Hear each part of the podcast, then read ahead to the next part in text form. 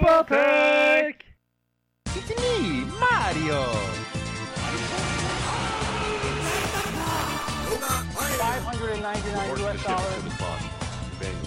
Can't eh? let you do that, Star Fox. Battle cruiser operational. My name is Reggie. I'm about kicking ass. I'm about taking names. And we're about making games. For the glory of the Emperor. Jason! Jason! Jason! You were almost a gentle sandwich. You're right. That's my game. This place is incredible.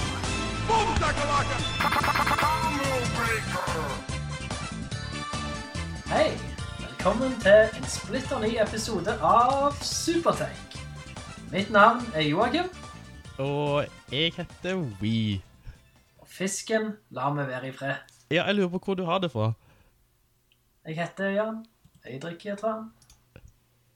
Men fisken lar jeg være i fred.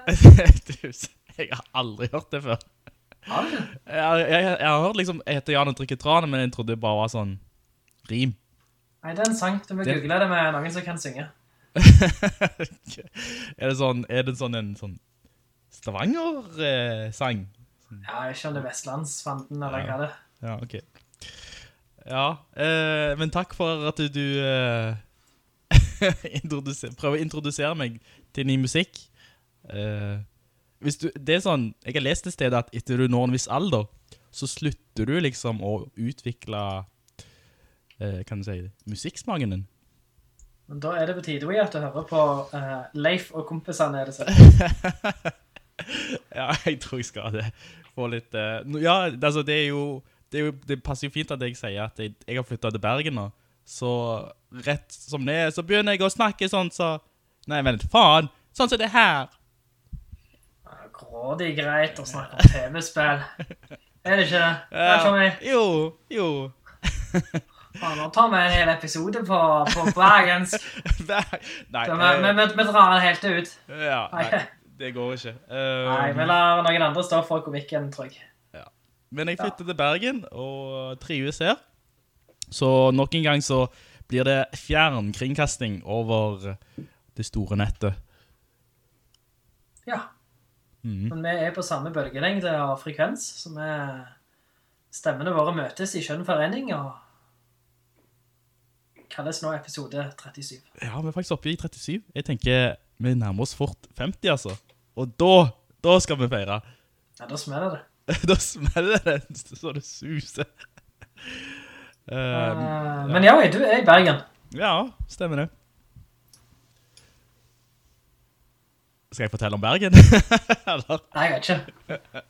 Hva kan jeg si om du sitter inne i kasjotten eller på utsida av kasjotten? Uh, nei, jeg har startet på jobb, eller på jobb, eller Jeg i en stilling. Eh, skal jeg egentlig si hva jeg jobber som? Jeg tror ikke jeg har sagt det høyt. Nei, da må vi ikke det. Men det er betalt arbeid, og det er skattbar inntekt, sant? Ja, det er det. Det er legitimt arbeid, men bare frem til jul. Eh, Jeg håper jo at jeg får fortsette da.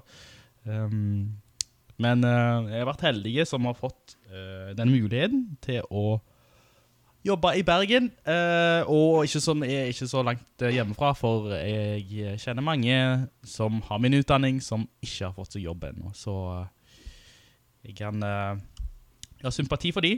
Samtidig så er jeg jo veldig heldig å få jobbe med noe jeg er interessert i.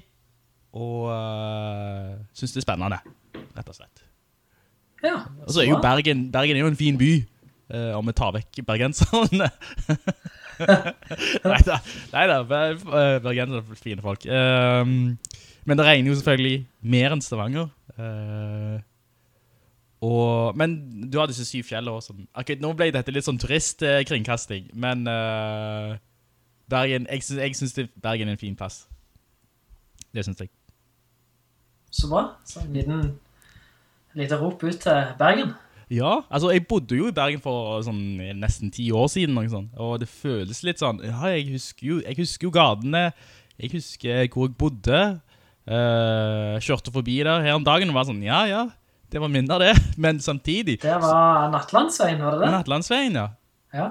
Og, men det føles, det føles som om på en måte at det, det var en annen person, fordi det er så lenge siden, og jeg var nok en annen person da. Ehm, så det er liksom en sånn, et, et liv som på en måte er fraskilt fra meg. Eh, ja, som om det var en annen person som bodde her da.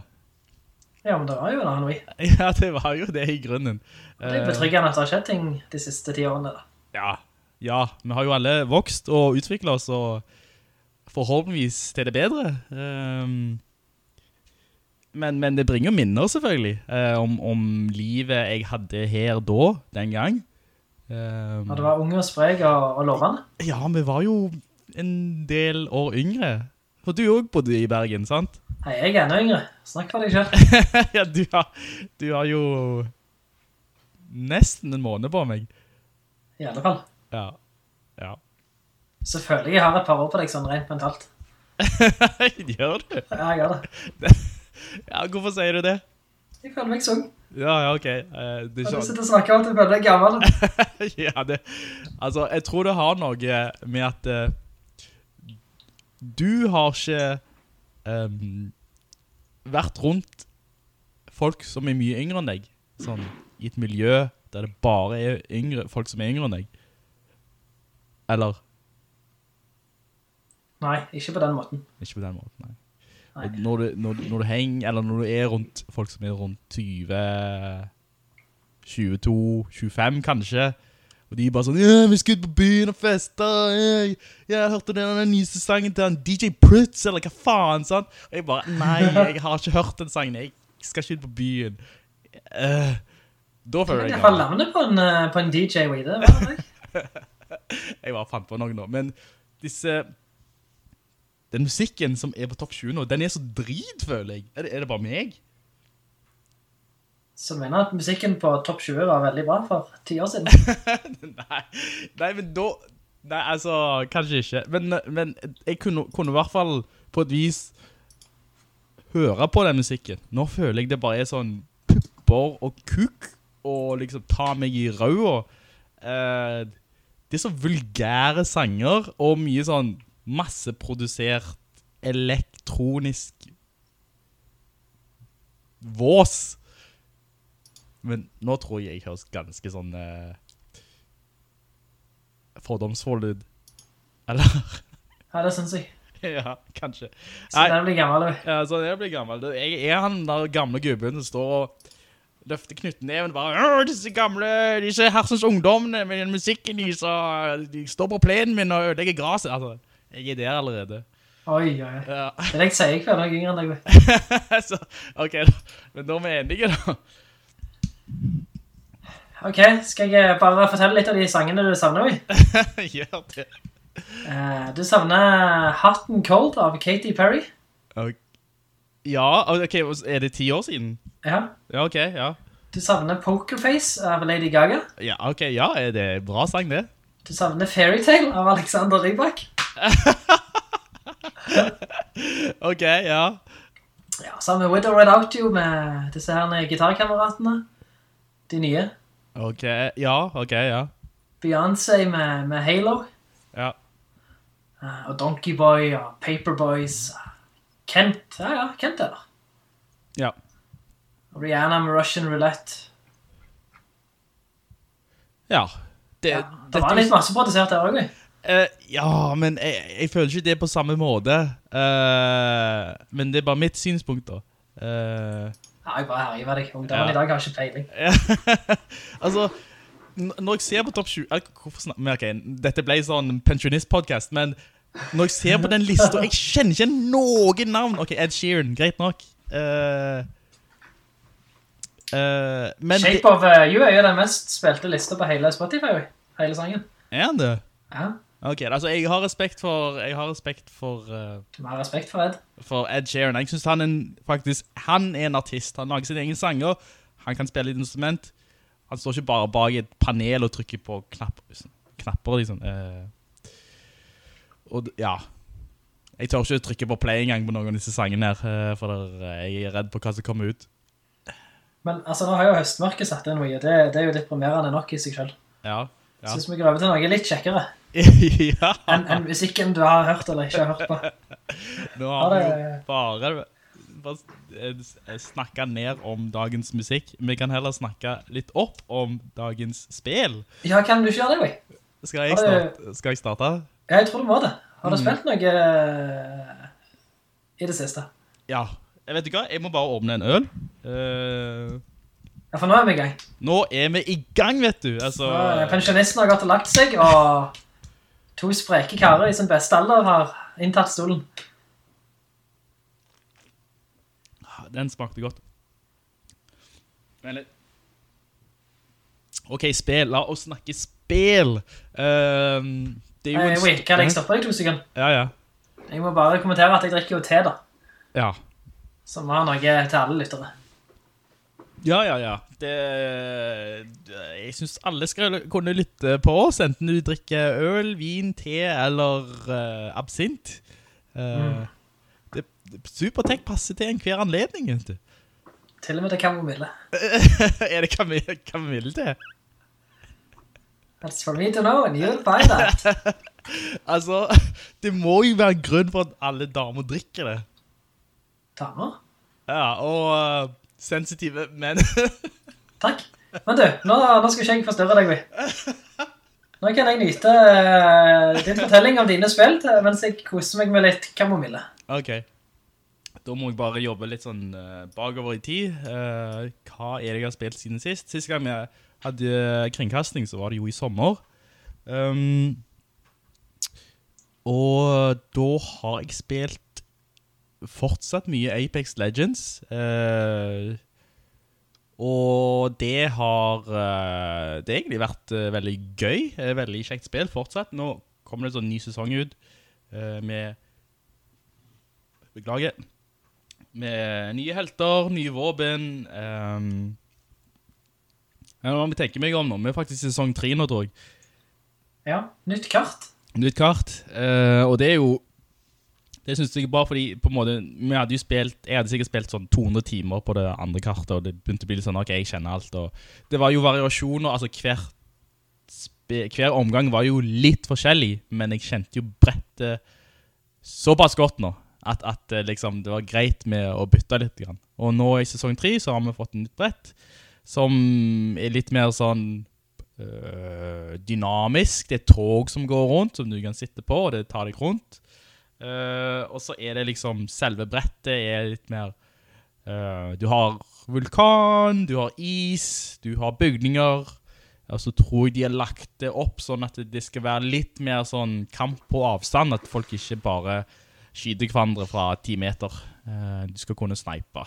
Um, ikke at det noen gang har vært min sterkeste side, men jeg tror de bare hadde, hadde lyst å bryte opp på en måte det mønstret folk hadde havnet i.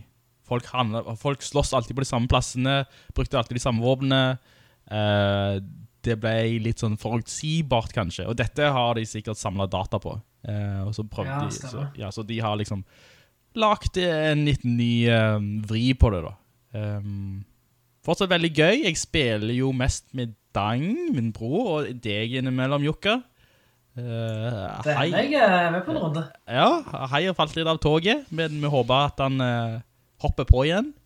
Um, og så, har jeg, så må jeg jo nevne her at jeg, jeg på en måte har gått, det har gått så langt for meg nå at jeg har kjøpt en, uh, hva skal du kalle det, en profesjonell eh, styrespake, eller eh, spillkontroll. Ja. Er det Ja. sant at det kom en fyr hjem til deg og, og lagde han etter mål på dine hender? Eh, ja, det, det skulle jeg ønske. Nei, ikke, den- er ikke så skreddersydd. Men den er Um, Dette er noe jeg har tenkt på helt siden jeg skaffa eh, PlayStation eh, 4. Var at eh, jeg liker ikke den kontrollen. Jeg liker ikke DualShocken. Uh, fordi Ja, stikk, stikkene er jo på en måte De er symmetriske. De, du, begge peker skrått ned. Og det er liksom litt sånn unaturlig. Og selve kontrollen er jo litt sånn ikke akkurat liten, men uh, Jeg vet ikke, den føles ikke så uh, mektige, om du kan si. Litt som en lite legetøy. Ja. Ja. Og jeg har alltid foretrukket Xbox sin versjon. Ja, Eh, Den ser uhåndterlig stor ut, men den sitter utrolig godt i hånda. den uh, Xboxen, Ja, ja, han gjør det. Den, den er ergonomisk, rett og slett. ja, han er det. Han ser ikke sånn ut, men han er det. Mm. Så da, da eh, søkte jeg litt på sånne ulike løsninger. Det fantes adapter som, der du kunne bruke en Xbox-kontroller på en Playstation, men da hadde du ikke fått med alle funksjonene.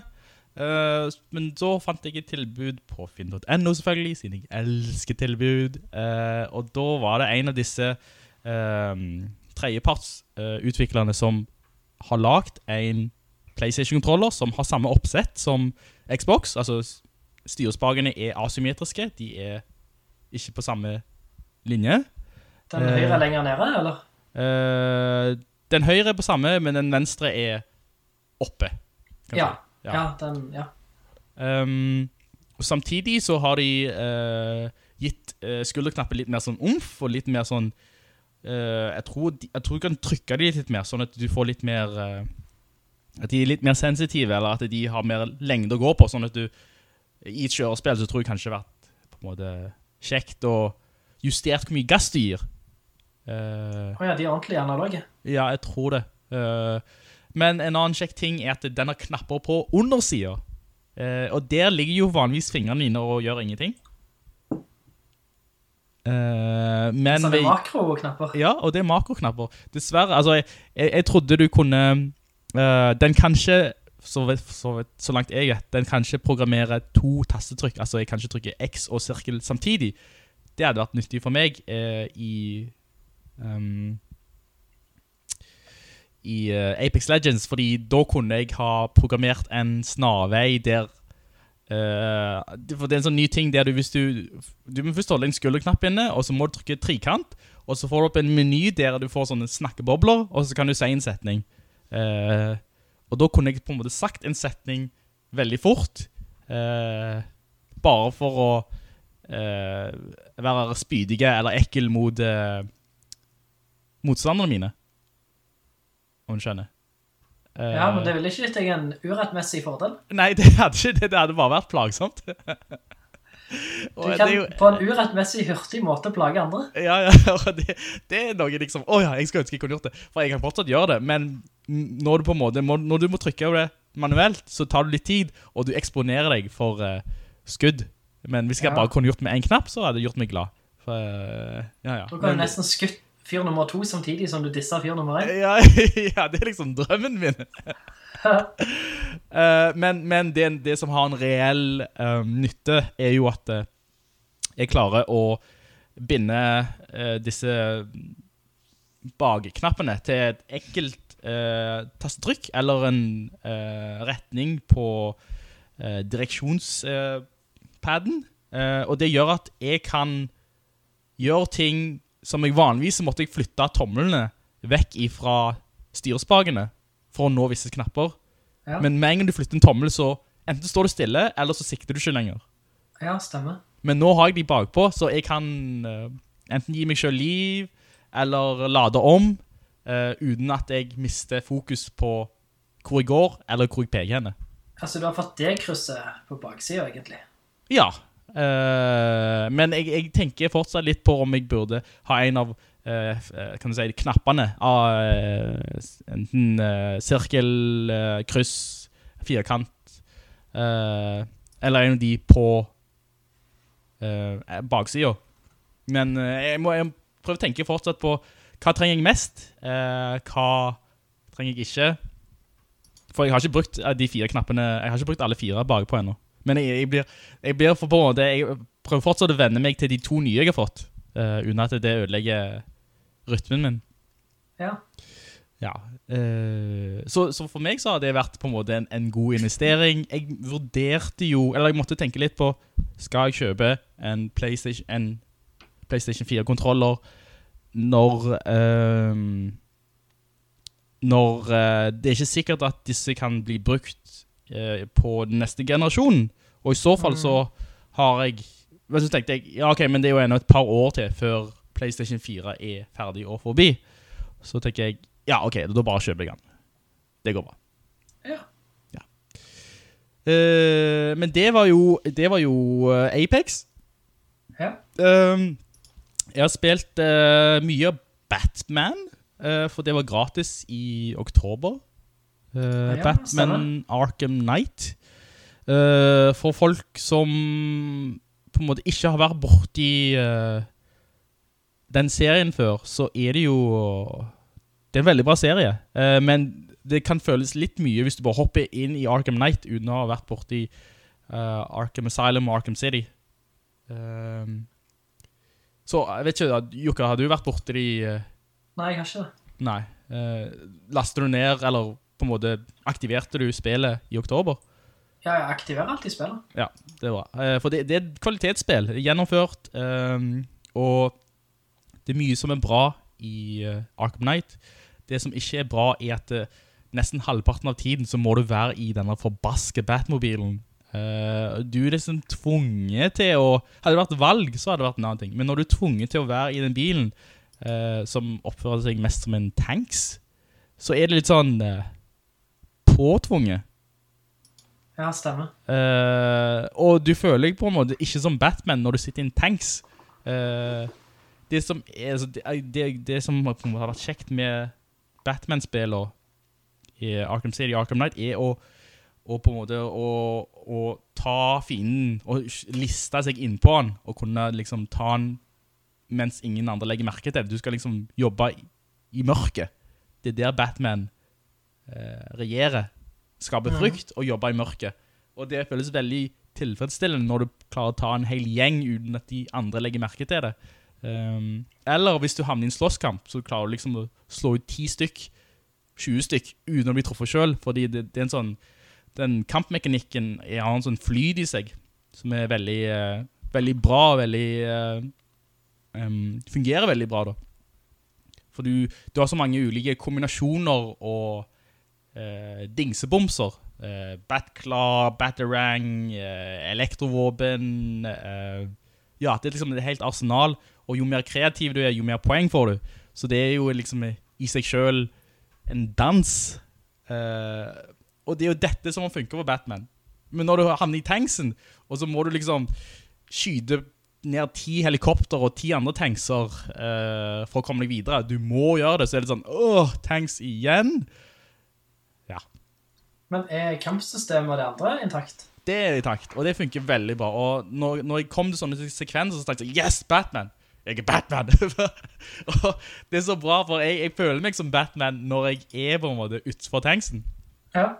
Eh, og og du, du merker så godt når han på en måte slår folk i svime.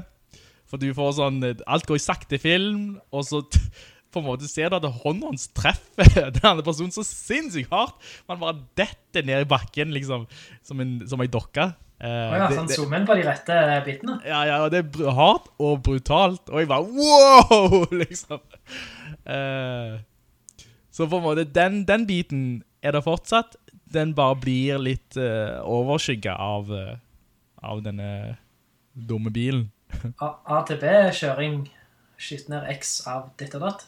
Ja, ja. eh, og så har du av og til noen sånne gåder du må, som du må løse med bilen.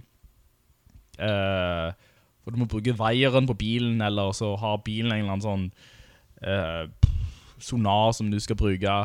Det, på en måte, hadde det bare vært litt mindre, så hadde det vært greit. Uh, men det ble for mye, i min mening.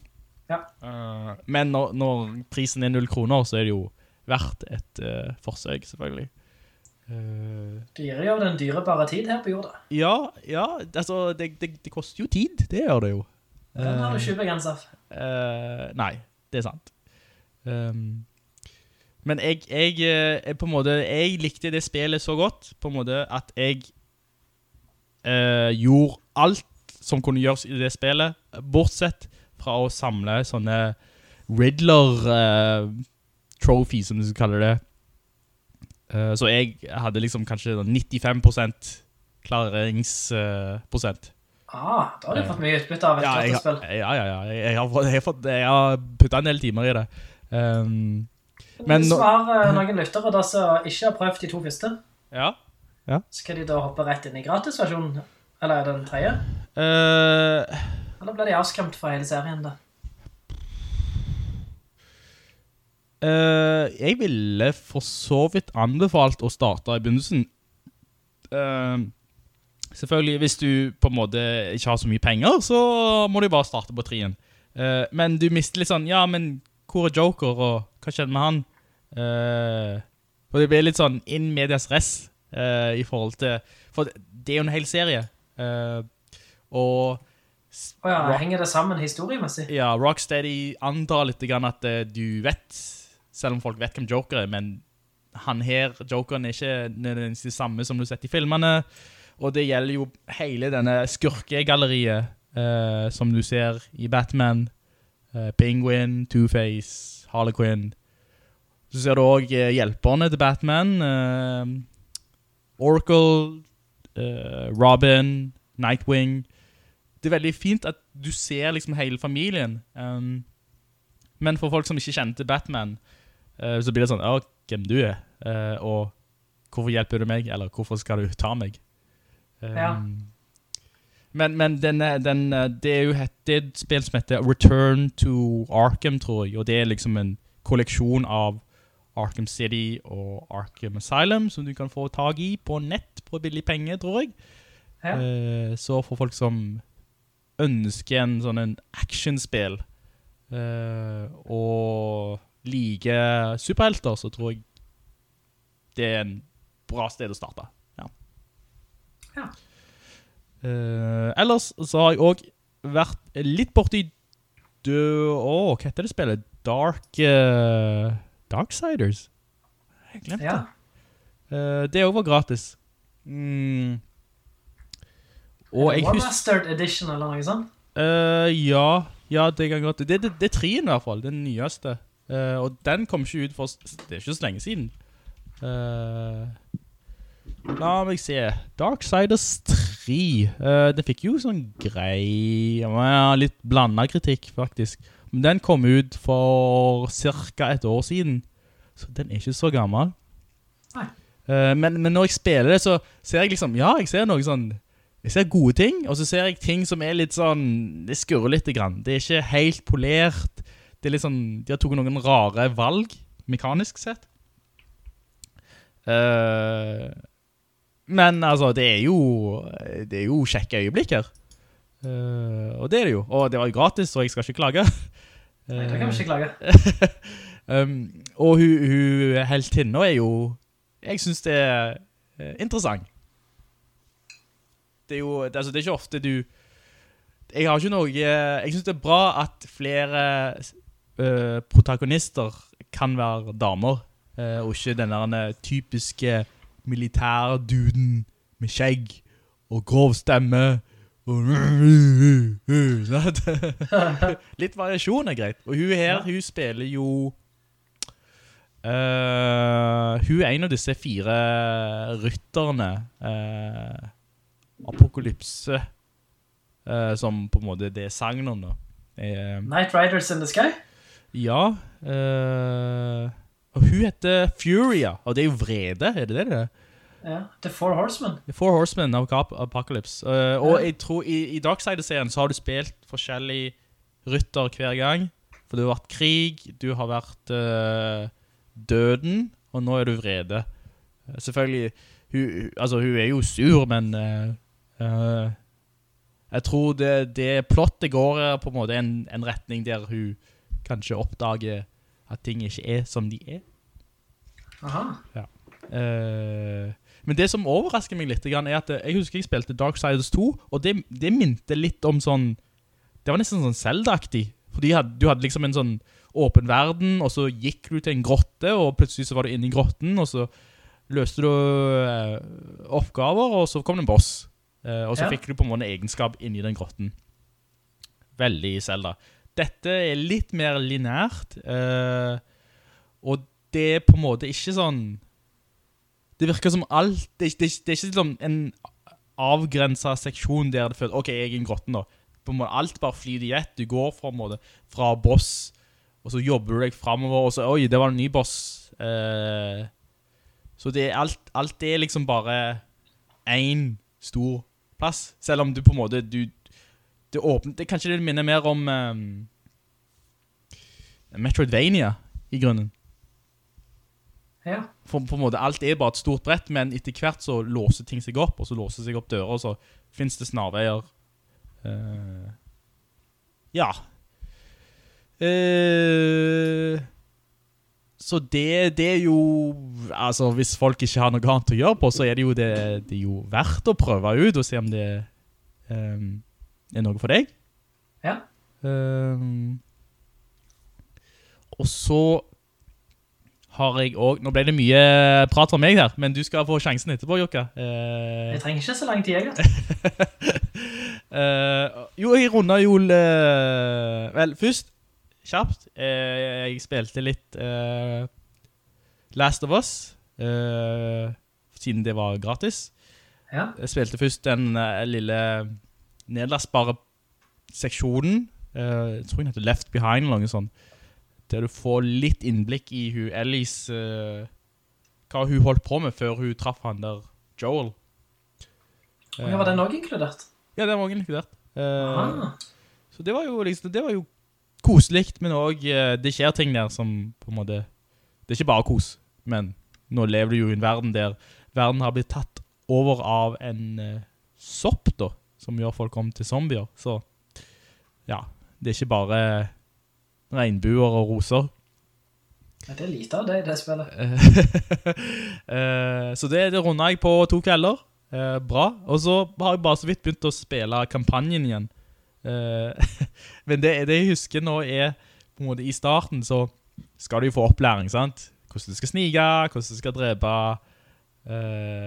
Og på en måte, når, når du begynner å snike deg bakpå folk og, og kvele dem, eh, så er det faktisk veldig sånn eh, det er brutalt, og det er veldig sånn rått.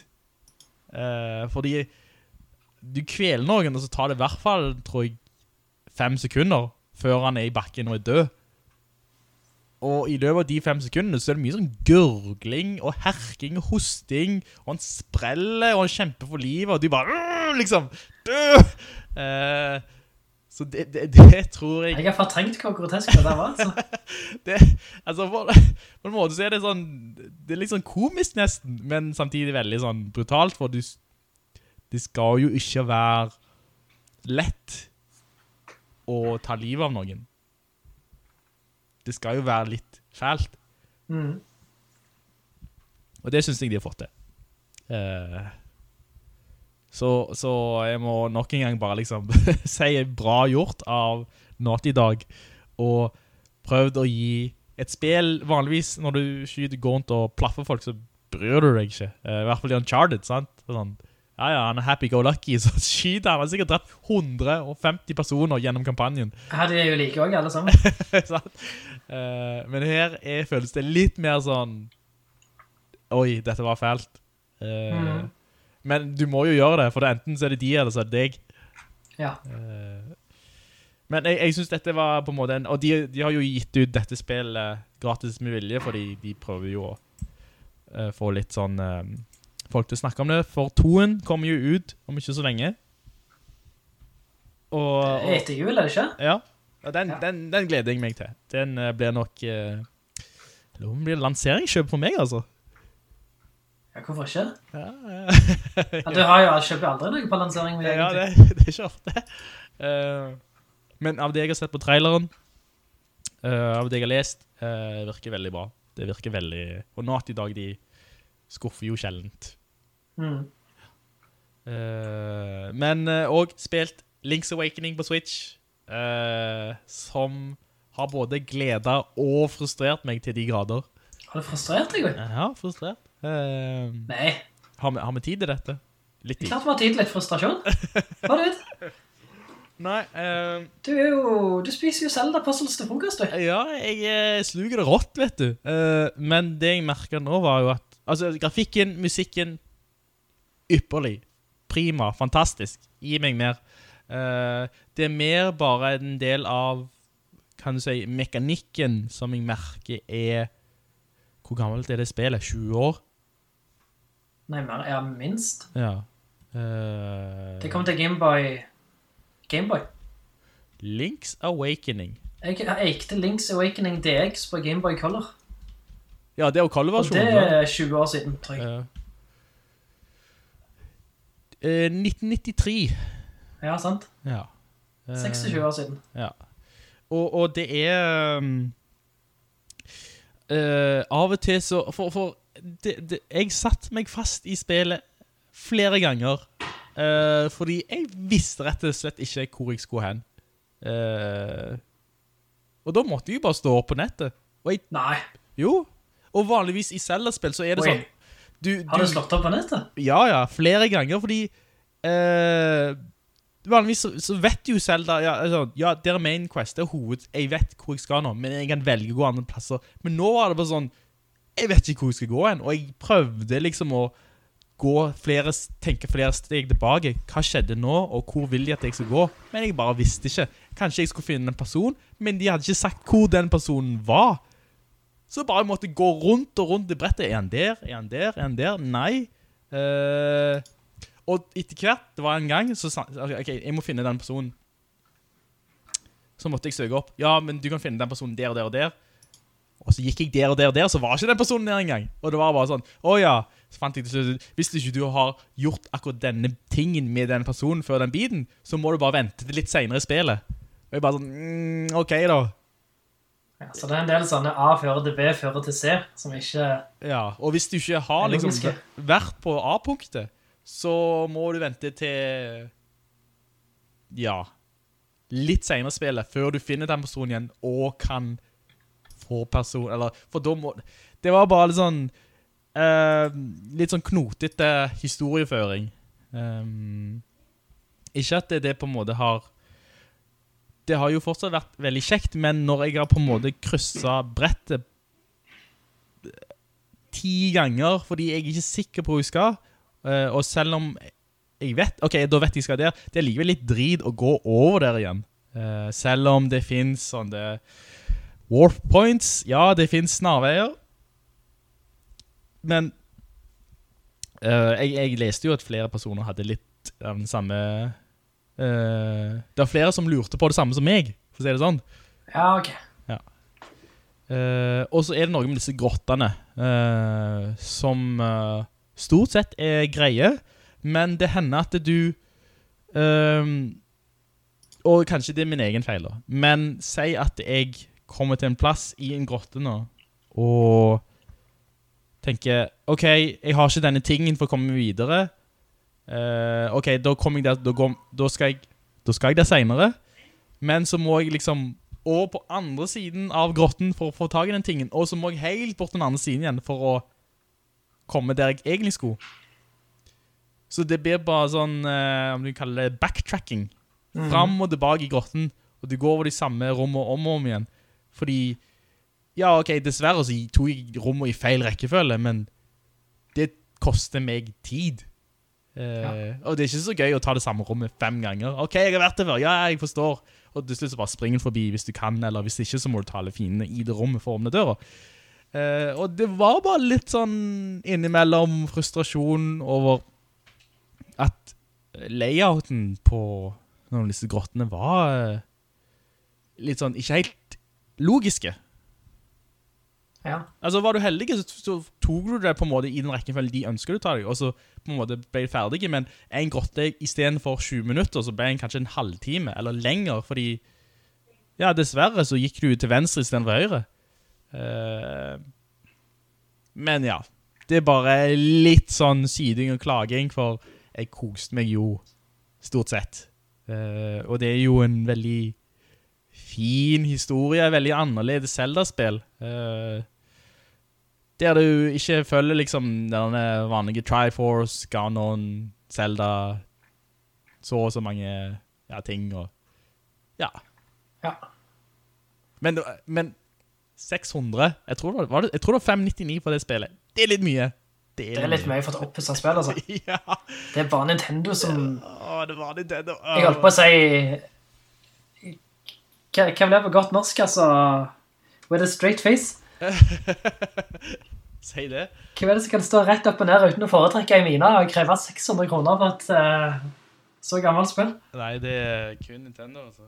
Ja, det er bare det.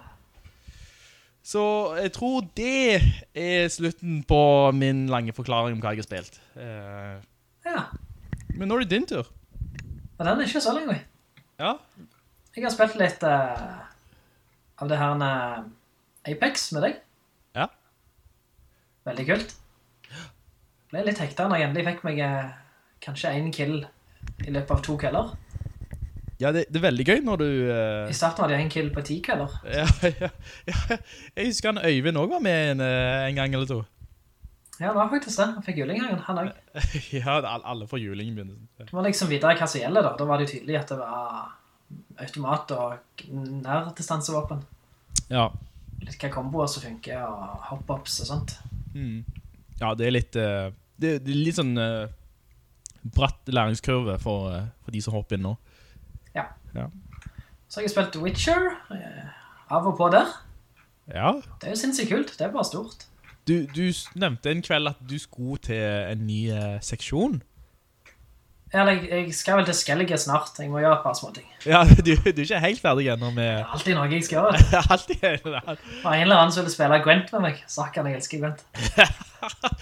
Akkurat den biten hoppet jeg eh, glatt over, altså. Jeg Det kunne klart meg en hele Witcher, så jeg bare fikk Gwent. Er ikke sånn uh, eget spill for Gwent som finnes? Jo, men da er det sånn idiotisk uh, du kjøper kortpakker og dritt. tror Å jeg. ja, nei, nei, nei. Det hadde vært et komplett spill som var på en måte i seg selv. Mm. Ja, jeg har jo vurdert om vi skal spille det her en... eh, har jeg lagt et Gwent-spill, med med en sånn Noldes historie. Ja. Hva heter det vi? Eh, jeg tror det var Gwent, jeg. Uh... Gwent er det ene, men det har rett, så du spiller veldig mye Gwent, men kommer deg gjennom en historie med det. er det liksom en, en tilleggspakke på Witcher 3, eller? Nei, det er et eget spill. Åja, ja, her, her heter det Gwent The Witcher Card Game. Kan det være den? Nei, det er. Gwent-spillet. Eh, ok. Uh... Og det er sånne booster packs og dritt. ehm, men da vet jeg ikke hva du mener. Uh, nei, da skal jeg komme på det i løpet av sendingen her. Ja, det var... Thronebreaker heter det. Thronebreaker? Ja, men er det i Witcher-verden? Ja. Huh. Det har jeg Det faktisk ikke, ikke hørt om. Thronebreaker The Witcher Tales. Uh, der er det veldig mye grønt. Ja, nå ser jeg. Nå ser jeg eh, Eh, sider. Ja, det har jeg spilt. Jeg har spilt litt lite da, men jeg har jo spilt litt Mario Party på Switch. Ja. Jeg gikk Med, innkjøp av to ekstra kontrollere, så nå har jeg fire. Uh, altså alle holder sin egen uh, Joy-Con da? Ja, Ja.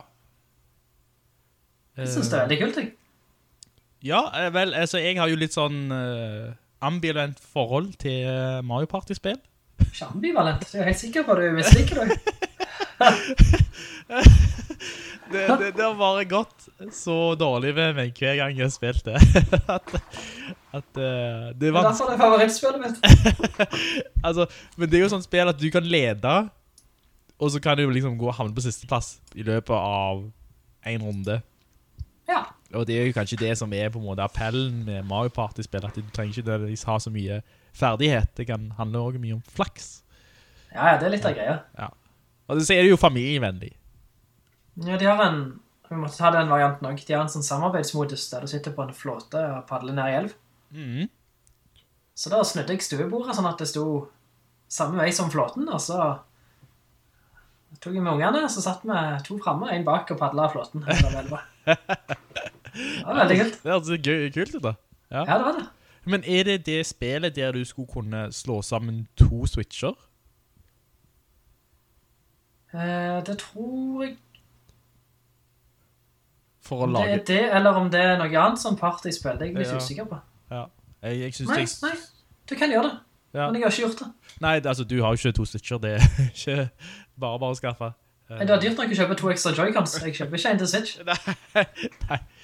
Eh, men vi skal jo snakke eh, litt mer om, om, om disse, denne Switch eh, tingen Nintendo har gjort da, litt senere. Eh, men eh, ja, så du har i hvert fall fire Joy-Cons. Eh, har du vurdert å kjøpe en sånn Eller du, har nok kontroller nå, har du ikke? Jo, jeg kunne gjerne hatt en ordentlig kontroller når jeg spiller solospill. Ja, for, for det går jo an å kjøpe sånne hubber eller USB-adapter, og så kan du bruke Um... Jeg tenkte på Pro-kontrolleren, jeg. Ja, eh, men for, har, du, har du sånn en GameCube-kontroller liggende hjemme? Nei. Eller, eller en eller annen Jo, du har en Har du Wii U-kontroller? Ja. Ja, sånn pro-aktig Yoshi-ting. Ja. Ja, for Men jeg, jeg, har lånt den ut, hele Wii U. ja, stemmer. For jeg tror det Ja, finnes noe som gjør at du kan koble den til Switchen din. Men Den er liksom litt herpa. Jeg skulle hatt den ordentlig, da. Ja. Ja. Det, jo, for jeg, jeg bruker faktisk min Xbox-kontroller på, på Switchen min. Åja. Ja. Eh, men det funker kun når han er dokka, når jeg tenker meg om. Ja. Ja, men det, det, altså, det høres jo logisk ut for, hvis jeg spiller udokka, så har jeg jo kontrollen i hendene mine. Men når jeg spiller på storskjerm, så sitter jeg jo i sofaen, og så kobler jeg den donglen i USB-inngangen på dokken, og så spiller jeg min med Xbox-kontroller på Switchen, som er Ja. føles bedre ut da, enn eh, enn- enn å på en måte ta ut Joy-Con og bygge sammen denne Frankenstein. ja. Nei, jeg gidder ikke styre så mye.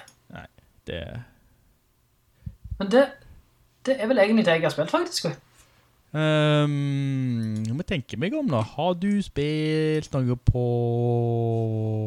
Nei... Du har ikke vært på tur eller noe sånt? Og spilt da? Ja, eller jeg har vært på fjelltur, så da har jeg ikke spilt. Nei, det er sant. Da har jeg lest The Witcher-novelle, da. Det er jo litt relatert til denne podcasten. Uh, Den første Ja. samlingen. eh, men det, har det ganske lite med spill å gjøre? Nei. Eller? Eller Det spørs hva du mener. Altså, det er jo Det handler jo om livet til Geralt og sånt.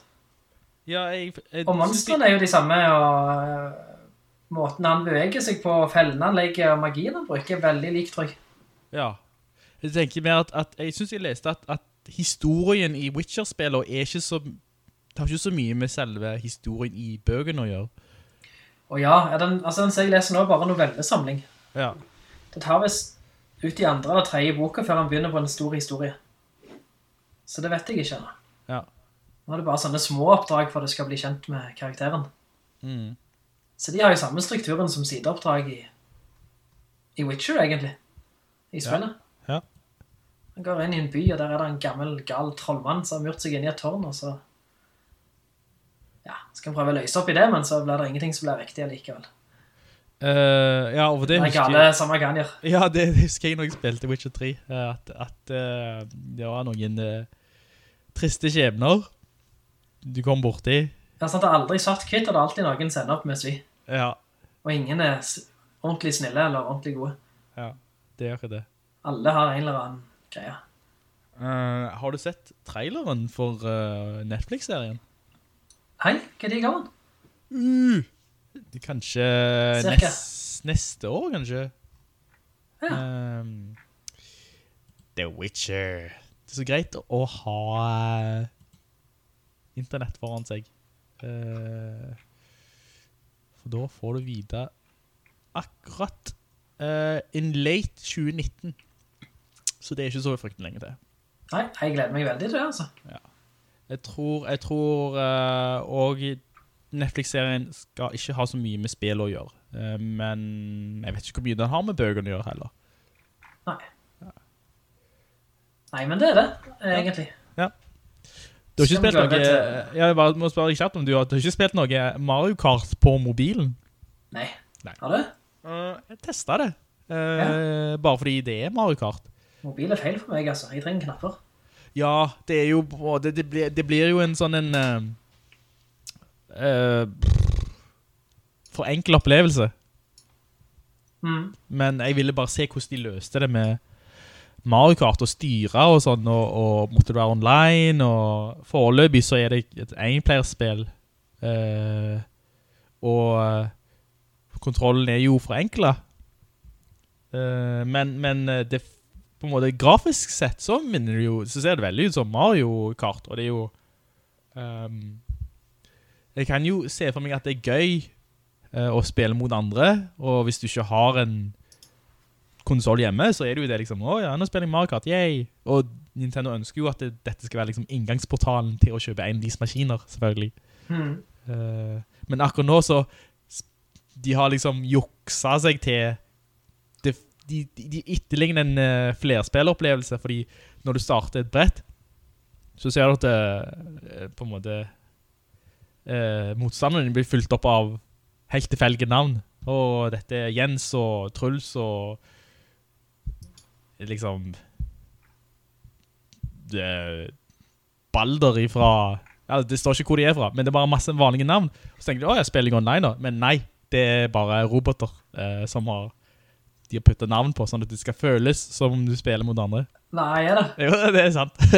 Oi, oi, oi. Men det står i et lite hjørne at flerspiller online kommer senere. Ja. Så det er liksom, det er der vi er nå. Uh, ja, men uh, nok om det da. Hvor, Ja. var det, hvor var det vi skulle hen? Skal vi ikke til nyheter? Jo, jeg tror vi skal det.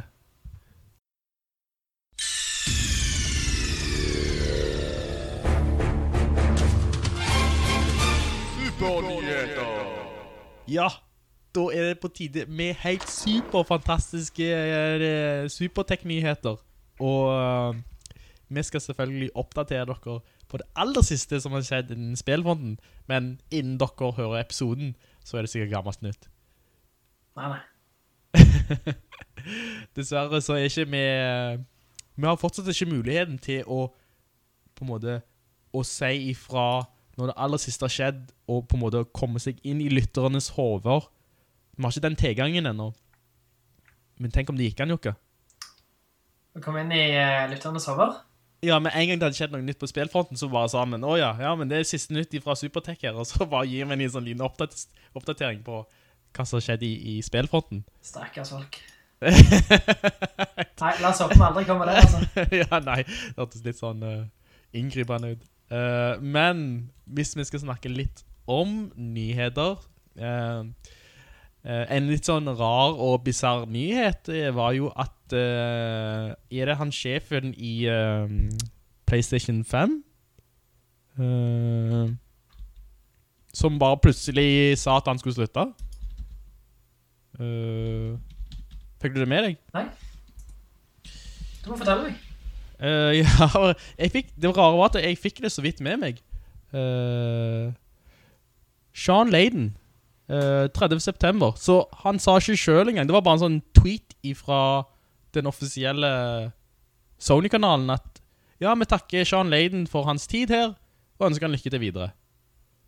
Uh, og jeg tror Sean Layden har vært ganske eh, hva kan jeg si, Uh, prominent uh, ansikt, eller ansikt utad til Sony eh, de siste årene. Mm. Og vært på en lang tid.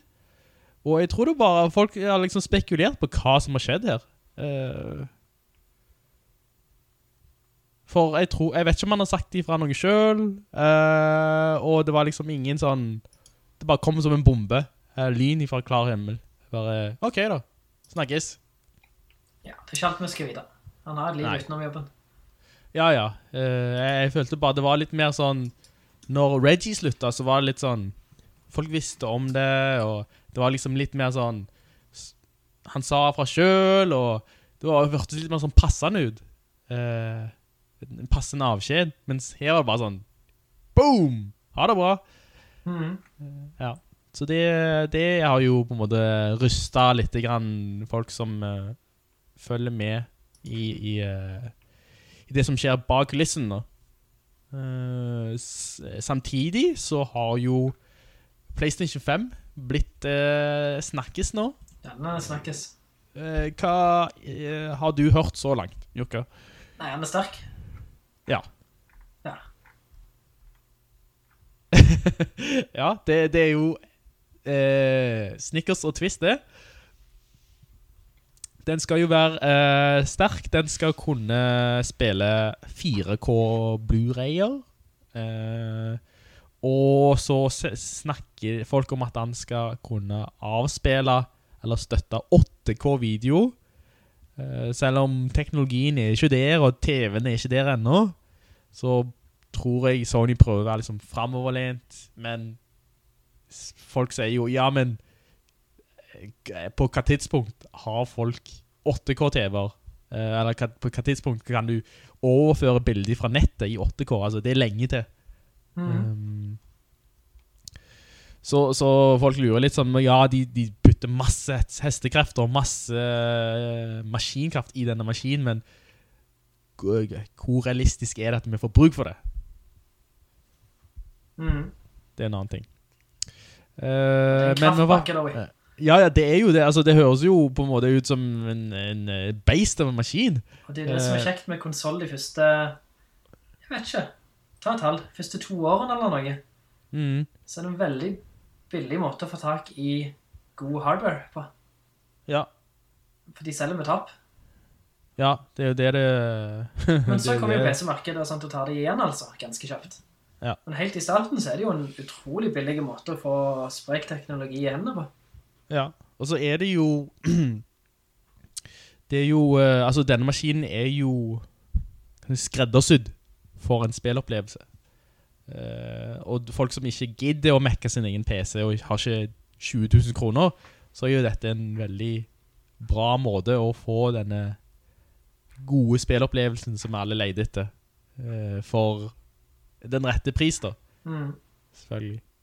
Uh, men nå, nå, nå altså, de, den forrige generasjonen og litt denne generasjonen, så, så satsa de veldig litt for mye på at denne boksen skulle gjøre alt. At du skulle liksom se fotball, du skulle se amerikansk fotball, du skulle se film, høre på musikk.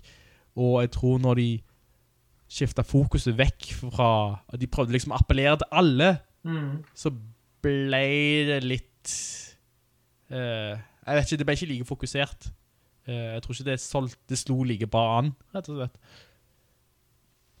Nei, det var jo Microsoft ser ikke skikkelig bare der. Mm.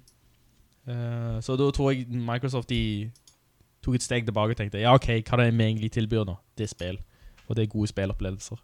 Ja, det er det folk er da. Ja, så jeg håper at de uh, på en måte at eh, PlayStation 5 har fokus på spillopplevelsen og ikke prøver liksom å si ja, ja, denne maskinen den er så kraftig at du trenger ikke kjøpe en annen maskin, du trenger ikke ha en annen maskin, trenger ikke en annen boks i stua, det er bare den. Jeg er ikke redd for det. De har egentlig bare sagt han spiller filmer. Ja, Og det har Sony alltid vært gode på. De har første, men mange kjøpte jo PlayStation for å få først en DVD-spiller på PlayStation 2. Ja. Og så kjøpte de PlayStation 3 for å få en Blu-ray-spiller. ja, stemmer. Og det var jo en all-right pris skal å få... ha skal med en, med et fotballspill eller et bilspill da, bare for å ha noe å spille Ja. på en år. Ehm, Nei, jeg stoler på Sony, jeg. Ja, altså, eh, er du Har du uh, vurdert dette med Sony versus Microsoft i forhold til neste generasjon? Nei. Nei, det har jeg ikke tenkt. Men du kan gå Det er som er mye veier. av denne generasjonen ennå. Jeg kan gå hva vei som helst, ja. Jeg er pragmatisk, altså. ja, det er bra. Du har ikke en Uh, uh, hva, hva ordet? Eh,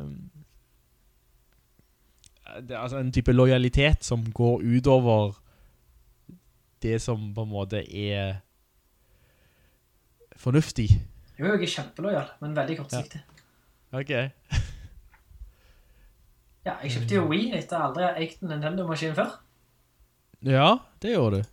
Og så hadde jeg jo Xbox 360. Ja. Og jeg tror jeg var den første som kjøpte meg PlayStation av oss. Det kan godt stemme, altså. Ja. PlayStation 4, du hadde 3 nå. Ja, ja. Eller den uh, stjal jeg av broren. Ja, sant? Jeg, jeg tror jeg var den første som kjøpte en PlayStation 4 før dere andre kom dinglende. ja, Det er ikke helt det... bestemt dere for at dere orket å forlate Microsoft-systemet. Ja, for den, den funker veldig bra, Xbox 360. Uh, den... Uh... Ja. Så det, det, jeg, den funker bedre enn PlayStation 3 den tiden. Ja, ja faktisk. Synes syns jeg. For online, og eh, spillkontrollen, og spill og... Ja, det, det var mye riktig med Xbox 360. Uh, Ja, så jeg tar det litt med ro og ser hva de faktisk gjør, jeg. Hva for Ja. en skandaler som dukker opp. Mm. Ja, skandaler, ja. Det, det, kan, det kan fort enda. Ja, plutselig så har de et eller annet mikrotransaksjoner, eller gudene hva er det neste de skal finne opp. Ja. Uh, eller Surprise Mechanics, uh, Ja, som EA Surprise ville kalt det.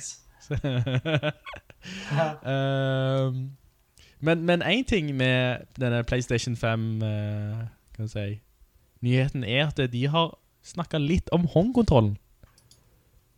ja, det har de. Uh, ja. Eh, og den skal liksom være neste generasjon da. Ehm, blant Den skal hjelpe litt på lag i forhold til dette PlayStation Now, leste jeg. Åja, på hvordan, måte? Jeg Vet ikke hvordan, men han funker bra. Ja. Eh, jeg hørte mest om disse haptiske eh, feedback-systemet. Der du, Som er egentlig HD Rumble Plus. ja, det, du skal vel på en måte føle spillet gjennom håndkontrollen. Ja. Og hvis du trykker på en måte, visse knapper skal være harde eller seire å trykke, basert på hva som skjer i spillet. Eh, og så skal kanskje denne, denne rumlingen være litt mer sånn eh, nyansert, kanskje. Eh, Ja, de har vel satt denne teknologien en stund, forstår jeg. ja, Men ville spare den den var ordentlig testet, og ikke lage gjøre forskjell på PlayStation 4-kjøpere. ja. Om folk kjøpte Pro eller Slim, eller hva de gjorde. Det kan bli kult, da. Ja, altså, ja, det høres jo spennende ut. Ikke at det, det har gjort At, at den har hatt så mye sånn De har gjort så mye med HD Rumble på Switchen. Uh, der syns jeg at de Altså, når, når de først lanserte Switchen, så var det sånn åja, du kan føle glassbitene når du rister på kontrollen. Husker du det? Ja, kan jeg nisbite, da? ja, det er tre sider. Uh, men men jeg, jeg, tror, jeg tror ikke det er veldig få som har um, brukt det i etterkant.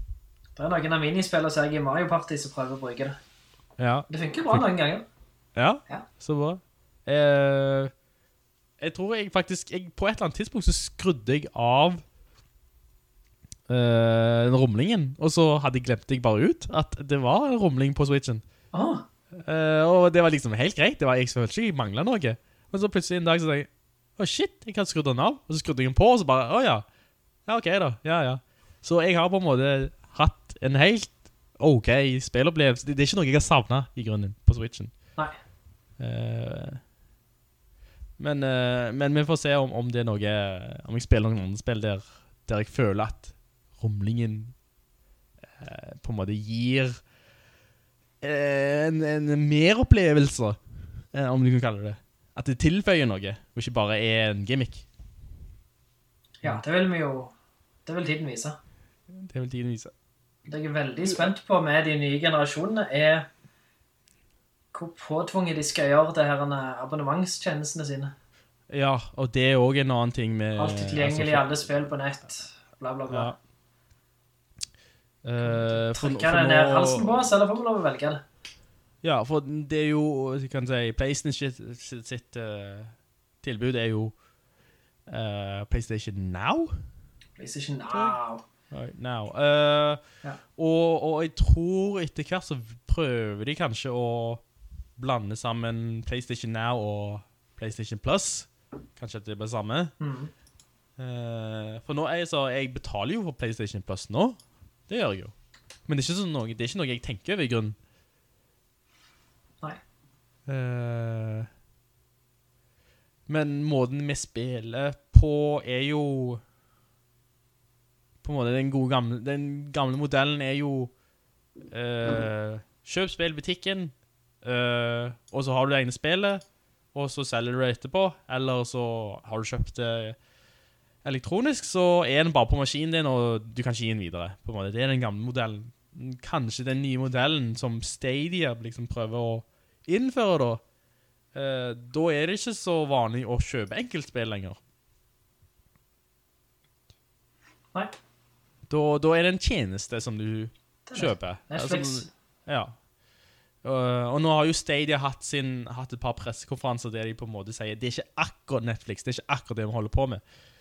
Men, uh, men dette konseptet med å eie spill i stedet for Eller å leie spill i stedet for å eie de um, Jeg ser jo appellen med det, fordi når jeg har spilt et spill, så er det sjeldent at jeg vender tilbake til den.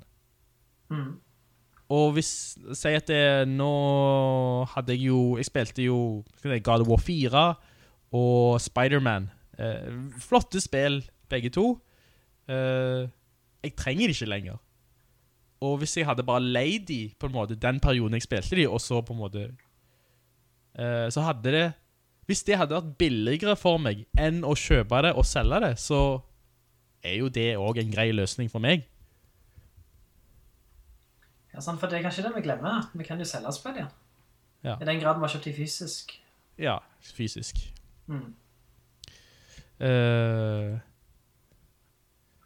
men men uh, helt hva løsningen det blir for PlayStation 5 og Scarlett og Stadia og ja, den nye Nintendo, om den kommer, det Jeg tror vi er liksom et par år vekke før vi virkelig ser liksom dette hoppet der uh, spill basert på disk uh, begynner å bli liksom så LP-er, liksom. Ja, ja, det er noen som gidder, men de fleste, gidder, altså, de fleste hører jo streamer jo musikk gjennom Mm. Ja.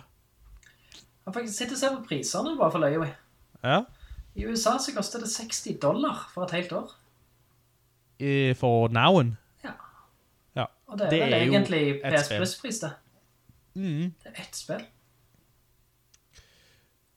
Og jeg tror på, på PlayStation Now så kan du laste ned spillene, hvis du vil. Du kan laste ned PlayStation 2 og PlayStation 4-spill. Ja. Så du trenger ikke liksom være online for å benytte deg av den tjenesten. Nei. Nei. Og det er jo litt greit. Mm. Ja. Noen andre nyheter vi skal dekke ved? Uh, ja um, jeg, jeg har litt, litt lyst å snakke om uh, Switch og Nintendo sin eh, Jeg vet ikke hva jeg skal kalle det. De, de har jo eh, De har kommet med en sånn en eh, Altså, det, det er jo en light-versjon. En litt mindre versjon som er billigere. Uh, samtidig så har de sneget inn en oppgradering av den eksisterende Switchen. den en ny SKU. Ja.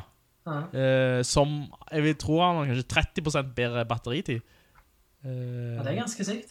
Og det liksom Og det sier ikke høyt engang. Nei. Uh, så, så plutselig så har du på markedet nå tre forskjellige Switch-typer, eh, som kan virke litt forvirrende for bestemor. Mhm. Eh, jeg har så langt ikke holdt en Switch Lite. Og jeg på en måte Jeg har ikke behov for å kjøpe en, men jeg lurer på Jeg har ikke sett på salgstallet heller. Men han ser jo ut som en kjekk liten maskin. Ja. Uh, har du vært borte igjen? Nei, jeg bare vet at han uh, er kjekk og liten, men at han har uh, det samme driftproblemet som Joy-Con har. ja. Og det er litt dritt når de henger fast. ja. Det er jo Ja, hva skal du gjøre? De sender sende inn hele skiten, sant? Ja. Ja. Eh, jeg hadde i hvert fall luksusen til å eh, sende inn eh, akkurat den spaken som gikk i stykker. Men jeg har ikke, altså tenkt deg, nå kommer Pokémon. ja. Sword and Shield. Ja. Og den her kommer i en Pokémon-farget utgave, Ja. sikkert. ja det, det, det må jo som varmt hvetebrød før jul. Ja. Og den er vel ganske mye billigere enn Switchen, ikke? Eh, jeg ser nå at den koster rundt 2500. Ok, litt dyrt denne da. Ja, ja, altså det I forhold til andre konsoler Altså, han koster jo det samme som en uh, PlayStation 4. Ja, faktisk. Uh, Men den koster en del mindre enn en Switch da. Den koster nesten 1000 opp mindre. Ja. Så jeg ser jo at det, det, er noen, det er noen som sier Ja, ja, jeg kan ha to switcher. En, når jeg, en som jeg har i lomma, som tar med meg, og så har jeg en som på en måte er i stua. Og de har gjort det på en måte sømløst å bytte mellom de to, for, har jeg hørt. At eh, hvis du har den, den samme kontoen på, så skal du kunne spille eh, på hjemmekonsolen din, og så fortsetter du på den håndholdte. Ikke på alle spill, men visse spill. Ja, nei, aldri på alle. Dette er Nintendo. Ja. Eh, så, men, men syns du det var lurt av de å, å lansere en light? Jeg er ikke noen business-nisse, men uh, dette er jo det Nintendo gjør hele veien. De lager alltid 100 versjoner og nye farger og nye størrelser. Oppgraderinger. Ja. Det er så mange varianter at en, hver stakker kan bli svimmel, og det ser jo ut til å funke da. ja du havner inn litt sånn sånn kjøpetåke. Bare sånn, å, jeg må ha alle sammen. Å, en av hver farge. Og så bare kjøper du, og så... Ja, Ja. altså, altså det er... Det er noe for alle og enhver, og det koster de sikkert ikke noe lager. Ja, de har jo alltid eh, klart å holde kostnadene sine lave. Absolutt. Mm. Så nei, eh, jeg tipper Nintendo, de, eh, de har jo ikke tabet på det. Hva har de tapet? Har ikke brukt penger på å finne opp denne saken. Jeg tror det ikke. Jeg har jo bare lipt joyconene fast og latt det bli med det. Åja, du mener lighten i, i, i forhold til... Lighten, ja. den, ja, ja, ja. Det koster Ja, ja, de null niks nå da, å trykke på den der. Ja, ja, ja det, det det, er liksom litt superlim, og så har, har du den. det er ren profitt. Ja. Eh, og, og visst nok så, av det jeg har lest da, så er jo på en måte visse spill helt flotte å ha med, mens andre spill som på en måte kunne trengt en stor skjerm, det blir veldig vanskelig å lese på den lille skjermen. Ja, jeg. Selv om det er på en måte skarpt, men, men, men noen spill er ikke ment for et lite format. Nei. Og det er ikke alle spill som på en måte passer heller, fordi meningen er at du skal ta av Joy-Con, eh, eller bruke liksom en viftefunksjon. Mm. Eh, glem det. Jeg, jeg tipper at det er for Pokémon. oi. Ja, Er Ja. Pokémon, og det er en... Jeg vet ikke hva det som kommer nå, snart sikkert Animal Crossing eller noe sånt. ja. Ja. Jo, ja. Mario funker sikkert fint, selv om du, det er noen bevegelser du ikke kan gjøre.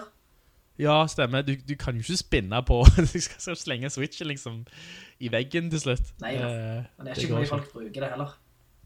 Mm. Så jeg, jeg tror de eh, smiler hele veien til banken, jeg. Ja, det Det tror jeg òg. det minner jeg for så vidt om, om dette nye trimspillet, som jeg faktisk har tenkt å kjøpe, som kommer til Switchen om et par dager. Det kommer i morgen, Ring Fit. Ja. ja. Jeg er jo en lat mann, Skal du kjøpe det, du? men jeg har tenkt å komme i form ved hjelp av Ring... Hva sa du? Hette Ring Fit? Ring Fit Adventure. Jeg har... Uh, Ja, det dukket opp i feeden en dag, da. Jeg bare, wow, tenkte jeg, det var jo... Det ser dritløy ut. Eh, og, og det er jo litt sånn så We Fit og We Fit You, sant? Du trener en uke eller to eller en måned, så blir du lei, men jeg skal prøve å være disiplinert og trene litt fast. Eh, og jeg er jo glad i rollespill og oppgradere ting og, og liksom gå på eventyr, så kanskje de klarer liksom å appellere til den siden av meg da. Har, eh, har det kommet ut anmeldelser av det? Eh, nei, det har jeg ikke. Det har jeg bare lest forhåndsbedømmelser, uh, kaller det. Kjapt. Eh. Hvordan funker det da? Er det... Det, det er en blanding av trening og RPG. Light. Ja. Uh, og så har du på en måte en sånn bånd som du kan Du, du fester den ene joyconen på låret. Uh, Ja, stemmer, som- for du springer med den. For da, da springer du, og så har du denne ringen der du fester den andre joyconen. Og den på en måte er sånn, en sånn god gammeldags trimring. Sånn aerobic-ring. Ja, ja som, som skal være motstand i da. Og på en måte, jeg lurer på om jeg kan skru den så hardt opp at jeg faktisk må liksom flekse skikkelig for å få til eh, en god bøy på den. Det aner jeg jo ikke, men bare altså... Med tanke på moderne livsstil, så hjelper sikkert alt. Mm. Altså bare det med Ja. folk som jobber på kontor driver og trener med en forholdsvis enkel strikk, så hjelper jo det. Ja, Altså, ja. Ja, bare noe som lager litt motstand, tror jeg er nyttig. ja. Men det er jo ikke trim, er det det? Nei, trening, det er vel mer mosjon. Uh, ja, men de som har testet spillet, de har sagt at de er blitt skikkelig svette og har hatt såre muskler dagen etterpå. Nei. Jo, Er det fordi de står i ro og springer opp og ned på samme spot? det, jeg tror det er denne ringen som du uh, på en måte drar i. Uh, Så det er en kraftigere enn jeg hadde å dra på da? ja, ja, ja. Jeg håper jo det, jeg også. Kult. Ja, ja. Men vi får se. Vi får se. Uh, innen denne episoden er lagt ut, så har det, finnes det sikkert anmeldelser. Ja, det gjør jeg det. Da, da skal jeg fortelle Jeg skal holde dere en gående oppdatering på uh, den, fysiske formen min. Er du nede og kjøper den på release? Eh, jeg tror hvis jeg ser den på en måte Ja, hvis jeg ser den på tilbud eller noe sånt Ikke tilbud, men jeg tror fullpris er 700-800 noe sånt. Det virker litt mye. Uh, la meg vurdere det Ja, det er litt mer, jo. Ja, for en sånn metallring og en gummistrikk. Uh, ja, og, og til slutt en, en liten sånn advarsel til folk som vurderer å kjøpe Switch, og du går i butikken. Jeg har ikke sett nøye etter, men er det, finnes det to forskjellige priser på Switchen i butikken da? Å ja. Nei, nei, nå spør jeg, fordi det er jo to pakker som ser ganske like ut. Bare den ene er mye bedre. Å, Nei, det samme. Det er bare ny SKU. Altså, det er bare ny modell. Ja, for jeg så på... Det er ikke så forskjell, tror jeg. Jo, nei, jeg så på, jeg så på, jeg tror på nettsiden The Power, noe sånt. Ja. Uh, og så hadde du en Switch. Jeg, jeg gjenkjenner pakken, min Switch, det er den også. Kostet 3200, noe sånt. Mhm. Og så hadde du den nye pakken, 3500. Uh, og den, den pakken litt annerledes, den er ganske mye rødere, masse rødfarge. Ja. Uh, men det er jo det samme. Mm, Det er liksom ingen, ingen ser forskjellen. Uh, eller på en måte, det er ikke noe som står, det står ikke 'now with more battery life', liksom. Nei. Eller new, 'new improved model'. Det står bare 'switch'. Ja. Så da tror jeg folk blir litt sånn, hæ? Hva er dette for noe? Huh. Eh, men jeg har ikke gått i butikken og fysisk sett om det er liksom to modeller som står ved siden av hverandre, om det faktisk står noe. For det er litt, eh, for det er litt vanskelig å selge dette da. Eller på, på hvordan skal du presentere det? Og hvordan skal kunder liksom, ja, kanskje jeg har lyst på litt bedre batteritid for 200-300 kroner ekstra. Ja. Det høres litt rart ut når du står der og vurderer.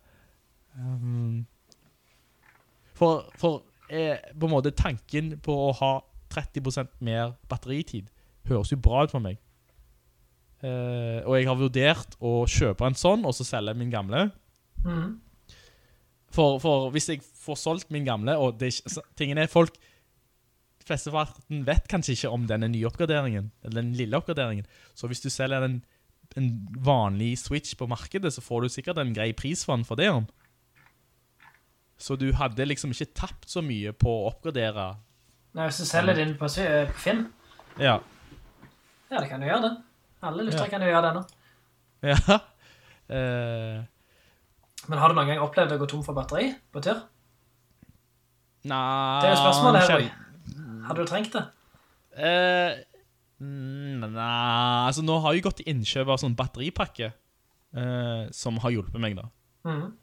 Eh, så da har jeg aldri gått tom. Um, men jeg bare tenker tanken på å ha mer batteritid er jo liksom Det føles som en oppgradering som ikke koster så mye.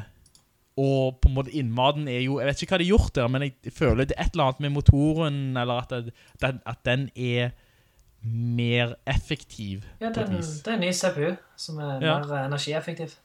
Ja. Ehm, så det høres jo på en måte bra ut i hodet mitt. Uh, Så da finner jeg snart uh, en ekte Supertech Switch på Finn.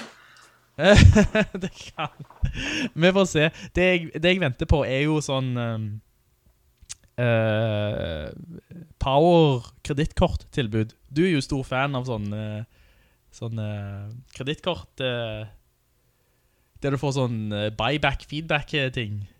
Ja, ja. Jeg kjøpte jo skjerm der, vet du, nettopp. Ja, og da, da, da blir jo på en måte ting plutselig mye billigere. Ja, jeg skal kjøpe en ny TV neste gang det skjer. Ja. Og Den, uh, eh, han, knytter knitrer og spraker. Det høres ut som hele dritten skal gå i lufta. Ok, den TV-en din er jo eldre enn Uh, Ja, hva skal jeg si? Det er LCD, Liquid Crystal Display. ja. Jeg tror 1080 det- interlaced. Ja. Det er ikke et begrepp begrep du finner ofte i dag. Nei, nei, nei. um, Og midt på natta, vet du, så slår han seg Ja. på helt av seg selv. det er sånn poltergeist-greier Ja, du har bare. Knytter han og spraker, jeg tenkte, nå letter han. Så jeg liksom opp og slå han av der i halvørsk, og så kan jeg gå og sove igjen. Å herregud, jeg hadde blitt skremt altså. Ja, ja, han, er, han lever sitt eget liv. Ja. Eh, jeg tror du kan eh, pensjonere den der skjermen. Han har, han har tjent deg trofast og lenge. Han har det. Eh, så, ja, hva tenker du? Er det LED det går i ja, 4K? Det er jo ikke, hadde det bare vært så enkelt. Jeg måtte ned og få hjelp. Ja. Jeg fikk veldig god hjelp da, av en kar på, på Elkjøp. Uh, men det var noe som heter OLED, og det var noe som heter QLED. Ja. Ja. Um, skal vi se. OLED har bedre sortnivå. Mhm. QLED har um, bedre bakgrunnsbelysning, så tåler mer lysforurensing, sånn sett. Aha. Men for, da får du litt mer sånn skinn, at det ikke blir ordentlig svart-svart. Ja. Så jeg tror jeg må gå for den med god belysning. Ja. Ja. Uh, men sikkert 4K da. Ja, alt er 4K. Ja, ja, ja. Eh, og, ja, hva heter? HDR? Det er en ting, sant? HDR, ja, det er en ting. Ja, jeg husker, jeg husker vi skulle kjøpe en TV til feriehuset i Spania, og da var det liksom opp og ned, og eh, så og så mange anmeldelser og alle disse funksjonene. Jeg visste ikke hva faen det gjaldt de gikk i. Eh, men TV-en så jo bra ut til slutt. Eh, det ser jo eh, fantastisk ut, disse nye TV-ene. Hva merke falt du på? Jeg lurer på om det ble en Samsung. Eh, Jeg er en Samsung-mann, altså. Ja. Eh, nei, de kan det, disse koreanerne, med TV. Um, men så du skal kjøpe neste gang det er uh, power-tilbud? Ja. Eh, Ja, nei, nå har jeg bedt... Nei, har julegavehandel noe i sammenslengen. Ja, ja, ja, du må jo bare slå til når, når du kan. Ja, jeg synes det. Dette det nærmer seg fort jul, da. Det, Men du, oh, nå, ja. nå, nå radler vi felt. ja, vi gjør det. Lytterne våre forventer noen nyheter. Skal du runde av? Eller, eh, Ehm, jeg, tror, jeg tror kanskje det var det vi hadde for nyheter. Det var ikke så veldig mye, men eh, det betyr at vi må bare følge litt mer med. Og vi kan mm, glede til oss til din Ring Fit-progresjon. Ja, nest, innen neste episode så tipper jeg at jeg kan fortelle litt om hvor eh, sterk jeg har blitt. Nei. Du må holde meg opp til å få et bra tilbud, så kanskje jeg slår til deg også. Ja, ja, jeg skal... Sammenligne highscore i Fit. Ja, ja, vi kan bli sånn uh, Ring Fit Buddies. Ring Fit Buddies. Ring fit. eh, moderne er ikke det? Ja, det Jeg har snakket med høyteknologi. Uh, flott. Da skal vi hoppe videre til neste segment. What the fuck is this piece of shit? Hei, velkommen til et flunka nytt segment. Wow! Det heter skit eller kanel. Du, jeg må bare eh, hoppe inn her og spørre hvorfor det er skit og kanel, og ikke skit og bruspulver, eller sukker, eller, eh, ja, hva nå skal Jo, for skit og kanel kan jo sånn ved første øyenkast ser tilforlatelig likt ut. Uh... Men hvis du undersøker litt nærmere da, enten ved smaks- eller luktesans eller noe sånt, okay, ja. uh, så vil du definitivt merke forskjell. Ja, det håper jeg jo. Uh... Så derfor har jeg kalt det skit og kanel. ja, For det av det så må du gå litt grundig til verks for å finne ut hva du egentlig har med å gjøre. ja, rett og slett. En kvalitetssjekk, rett og slett. Ja, bare sånn en smaksprøve, eller... Ja, gå litt Ja. empirisk til verks da. Ja, dette er vitenskapelig, det er det du sier. Ja, rett og slett. Rett og slett. Uh, og da tenkte jeg da, skal vi ta et spill som koster mindre enn 50 kroner? Ja, vi kan ikke bli helt blakke eller? Nei. Ja. Uh, jeg skal gi et forslag til deg, og du gir rett til meg. Mhm. Og så gir vi det spillet det vi synes er en fair sjanse da, til neste episode. Ja. Uh, og det kan være alt ifra en kveld til fem uker. Ja. Ja. Og altså, noen spill er jo pick up and play, noen kan jo være rollespill eller lengre spill. Mm. Ikke så mye å si, vi skal bare eh, på en måte prøve oss frem og utforske og, og være med dette spillet så lenge som vi orker. Ja. Vi skal ikke runde det, men så lenge det er interessant eller morsomt, eller enten fordi det er bra, eller fordi det er sinnssykt dårlig. Ja, for det kan jo være en sånn en god opplevelse, eller en, en fin og løyen opplevelse å spille et dårlig spill. Ja, og da Vel, for det første så får det gå litt på oppdagelsesferd, uten å ha lest fem til ti anmeldelser på forhånd. Mm.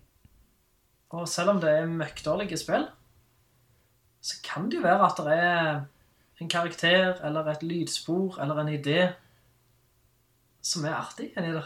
Ja. Og det er ting vi ville gått glipp av om, eh, om ikke vi prøvde disse, tenker jeg.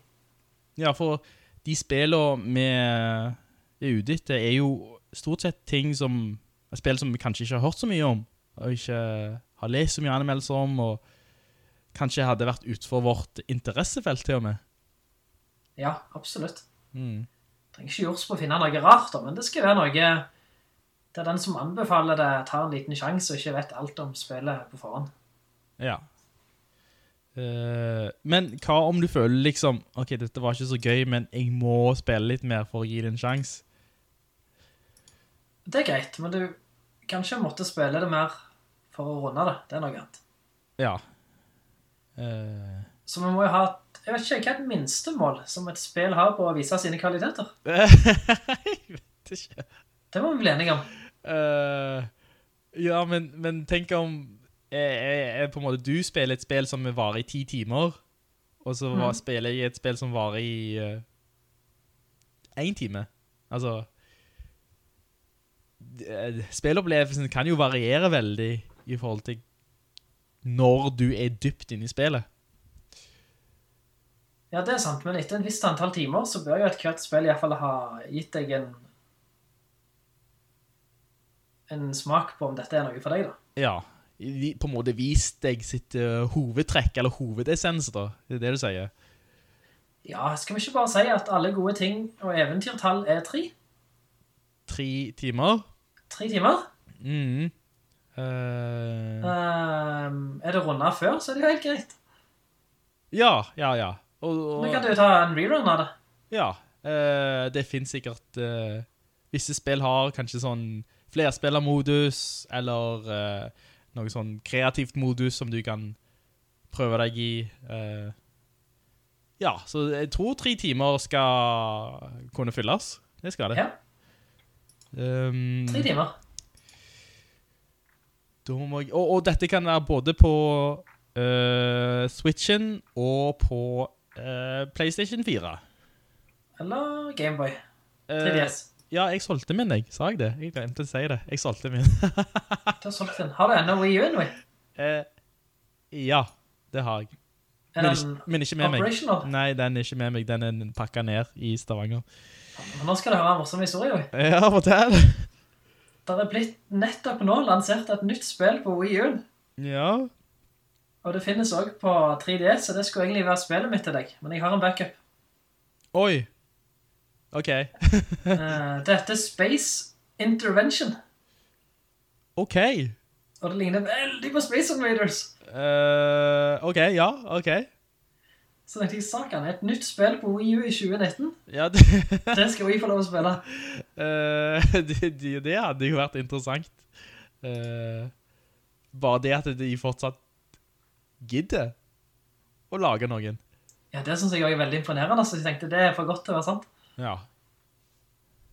Uh, ja, men da ble det ikke den i denne omgang da. Nei, da har jeg et spill fra Playstation. Ja. Ja. Jeg vil gjerne lese opp beskrivelsen da, for det er det eneste vi har å gå etter. ok. Ja, du må, etterpå så må du begrunne det. Men uh, la oss gå for beskrivelsen først. Ja. Uh, spillet heter Drowning. Uff da. Det er jo en måte jeg ikke har lyst til å dø på. Neida. Og det, altså drukning, her er de oversatt til med titlen da, så jeg tror dette har gått gjennom Google Translate. Ok. Er et kort spill om en gutt som raskt oppdager at han har depresjon i sine tidligere år med videregående skole. Gå gjennom en rekke vakre, lavpoli miljøer som en historie utfolder seg om hvordan man lærer å leve med sin indre demon. Eh, bla, bla, bla. Gå gjennom alle de vakre omgivelsene med et herlig lydspor Ok. som passer til dagens stemning i spillet. Men, uh, uh, hva er du leser fra nå? Beskrivelsen på PlayStation Store. På, ja, ja, for den teksten er på norsk også? Ja, altså, jeg tror det er oversatt. Ja. Gå gjennom alle de vakre omgivelsene med et herlig lydspor som passer til dagens stemning i spillet. Ja. Og finn alle de skjulte slutten. ok. ja. Hva tror du om det? Uh, jeg har spilt en demo av det.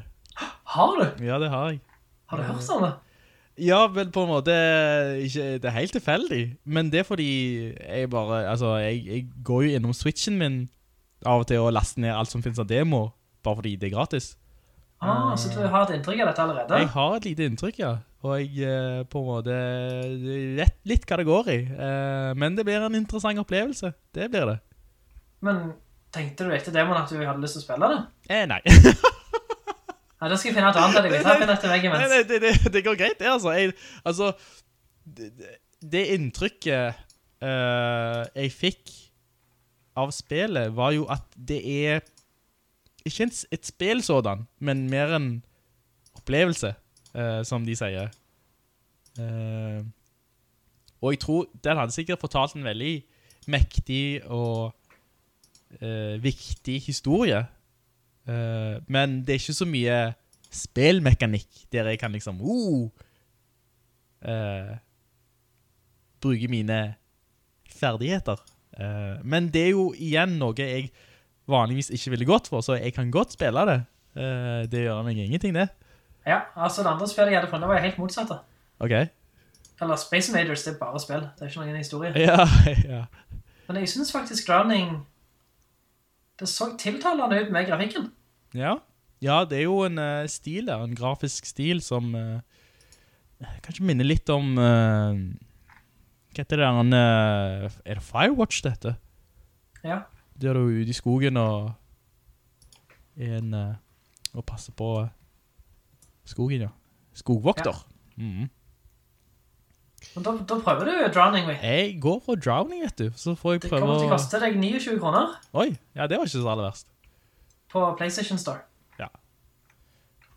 Men hvis, hvis jeg finner den eh, på tilbud på Switchen eh, til under 50-lappen, så går jeg for den der, tror jeg.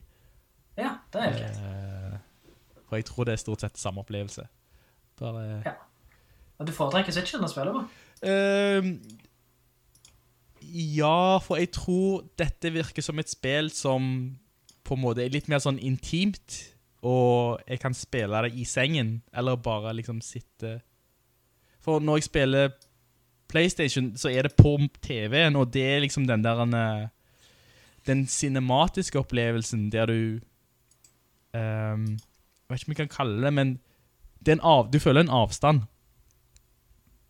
Ja. Uh, men på, jeg føler Switchen, da har jeg mange spillopplevelser som, på en måte, som er i fanget, som er veldig nærme, og det føles mye mer intimt. Og Drowning hadde jo vært et sånt spill der, uh, der det passet veldig fint da, med en sånn litt mer sånn uh, en indre spillopplevelse i stedet for sånn ytre. Du kan samle litt med sånn en liten kosefilm eller en sånn blockbusterfilm da. Ja. Eh, og det er min forskjell mellom Switch og PlayStation 4. Mm. Ja, jeg, jeg angrer litt på at jeg leste det med sånn At jeg lo sånn når jeg leste det, men det var bare fordi oversettelsen var så dårlig. ja, den var litt... virker egentlig litt sånn alvorlig, men på Ja. en god måte. da. Ja, ja. eh, det, det føltes litt sånn også, når jeg spilte demoen. Um, jeg, vet ikke om, jeg vet ikke om du, har du... Altså, hadde du hatt noe nytte av å testspille demoen av mitt spill? Eller blir det mye? Uh, Altså, det, det spillet du, du valgte for meg nå, hvis du spilte Det Det er jo egentlig ganske bra, for da kan både jeg og lyttere forholde oss litt til resten, og se om det skiller seg ut ifra demoen, eller om det fortsetter i samme leia. Mm. Ja, jeg skal prøve demoen nå. Hvis du har tid, så kan du det. Ja. Uh, men du skal jo også få ditt eget spill. Yes. Uh, er du klar? Jeg er helt klar. jeg. Eh, ehm, den, det spillet er på Nintendo Switch, og den er på tilbud eh, fram til um, Fram til eh, november. Og den Ja. heter Framed Collection. Uh, og jeg bare liksom Framed. Framed, ja. Ja, altså Awesome Collection. Ja, for jeg tror det er Jeg tror det er et spill som Vet ikke om det har blitt uh, vært på PC, men det har i hvert fall eksistert på en annen plattform. Men her får du kanskje to spill, eller en, en, en serie eh, i en pakke, Ah. da. Eh, og når jeg bare så det grafisk, så synes jeg Ja, men hva er dette for noe? Det, det bare så interessant ut helt fra begynnelsen. For eh, sånn som jeg, sånn som jeg har forstått spillet, så er det en, en rekke tegneseriepaneler eh, som er i en rekkefølge, men for å løse oppgaven For jeg tror det er sånn politi, detektiv, forbrytelsesspill. For å løse oppgaven der og da, så må du uh, på en måte stokke om på disse panelene. Ah, kult. På tegneserierutene. På tegneserierutene, ja. Uh, og det virker litt sånn Å ja, går det an? Ja, det er litt en annen måte å løse oppgaver på. Eh, og den skal koste ja, 40 eller 50 kroner, tror jeg, siste gang jeg så. Kult. Da skal jeg inn der. Uh, og så så jeg jo liksom Jeg leste jo teksten, og så hadde han liksom fått litt sånn indie-priser og fått litt skryd, og så tenkte jeg ja, ja, det kan være uh, gøy, dette. Ja, Så du har hatt liksom øyra ditt til denne kanalen en liten stund? Nei, nei, jeg, jeg bare leste det i dag, liksom, etter at jeg fikk Å, ja. oppgaven, oppgaven, oppgaven, oppgaven av deg. Ja, kjørte Eh, ikke det fra før? Nei, nei, jeg hadde ikke det. Og jeg gikk gjennom eh, Hvordan gjorde du? Hvordan gikk du til verks for å finne spill? Nei, jeg eh, Først så gikk jeg inn på, på mobilen min, eh, og så prøvde jeg å gå på eShop på, på nettsiden, men den var så sinnssykt dårlig. Treig, eh, uoptimalisert, funket ikke helt tatt. Nei, Men- Er det en norsk side det hele tatt? Nei, det var en britisk side, men jeg tenker tilbudene er sikkert de samme. Eh, Aha. Ja. For det, det, var, det var liksom en På den britiske sida sida- Kanskje det funker på PC-en eller på en iPad, men på mobilen funker det ikke. Uh, men det er en, det er en, det er en tilbudsside der det står for under fem pund. Og det er liksom Ja, alt perfekt. Og alt under fem pund er jo det vi leide etter. Eh, Så du kan jo kikke der hvis du får tid.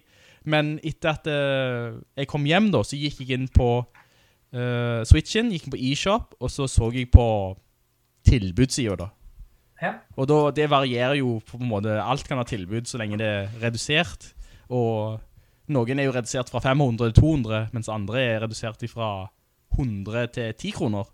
Ja. Uh, så jeg så bare liksom så så nedover lista, og så var det litt sånn mye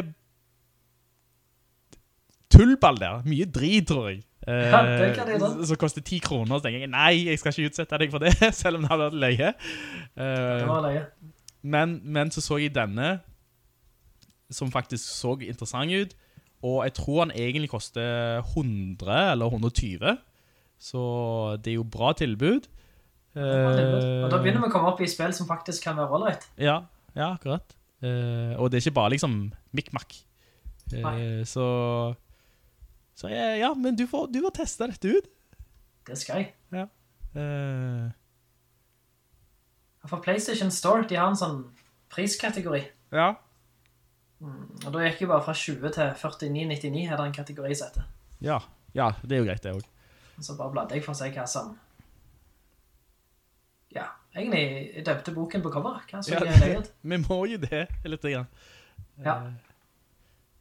Eh, og det er det som er appellen da, eller med, med, med dette forsøket vårt, er at det, kanskje det er mer som skjuler seg bak eh, Ja, Det var litt sånn vi gikk og snopte både filmer og spill når vi var yngre. Ja, for da hadde Kanskje vi må ta blad i katalogen og kikke på omslaget.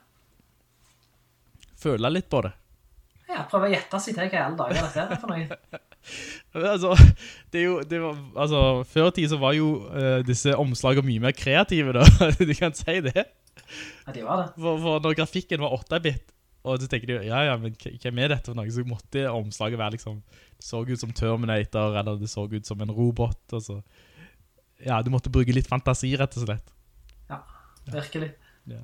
Eh, men så bra. Jeg gleder meg til å drukne litt, grann. gang. Ja, jeg håper det blir en god opplevelse.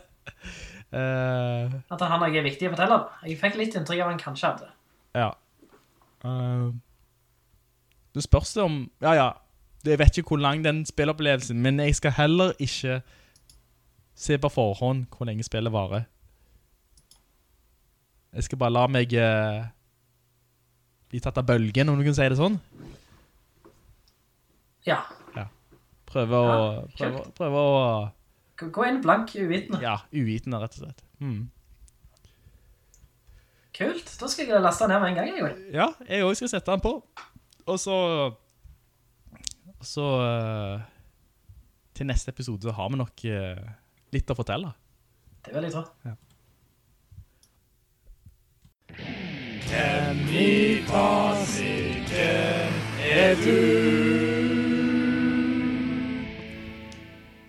det er på tide med en ny omgang med Hvem fasiken er du? Uh, og denne gangen så er det jeg som skal gjette hvem Joakim tenker på. Ja. Ja. Uh, Det er ikke jeg som skal gjette hvem jeg tenker på. Nei, det hadde vært dumt hvis du måtte gjette hvordan det, på en måte hva du hadde i tankene selv. Uh, det går vel som regel ikke. Eller, lurer du noen gang på hva du tenker på? Nei. Nei. Far så ingen kommer og tar på meg en sånn hvit t-skjorte som knyttes bak. Han svarer deg. Men da skal jeg prøve å plukke hjernen din fra hverandre, Jo- Jokka. Ja. Og uh, hvem er det du tenker på? Og for de som på en måte lytter til oss for første gang, velkommen. Og forresten, det er en siste ting før vi kjører dette showet. Mm. Jeg må gi en liten hilsen til Katrine, vår felles venninne, som nylig spilte på jobb. Si det. Eh, tro det. Eh, men hun spilte Cuphead på Switch. Oh, wow. Og hvem, hvem skulle tro at eh, en voksen, eller en dame på 35 år skulle spille eh, et spill som Cuphead, som er ballehardt, eh, og som er, jeg vil si, mest for kjennere. Eh, at hun liksom prøver seg på det eh, på jobb, er jo litt kult. Veldig kult. Så jeg sa at jeg skulle eh, liksom bare gi henne en liten sånn hei, hei, Katrine, eh, på lufta nå. Så da fikk hun den. Likte du det? Ja, hun syntes det var hardt, men hun syntes hun likte grafikken, hun likte stilen. Og det er jo, eh, det skjønner jeg. Det er et veldig morsomt spill. Eh, og det er morsomt å se på også, men eh, det, appellen blir liksom gradvis mindre når du dør for 50 gang. Eh, og kan, det kan jo føles litt frustrerende. Men for oss masochister så er jo det bare gøy. Ja. Ja. Ja, nei, men det, det er helt unikt stil, og jeg kan tro det er veldig kult spill.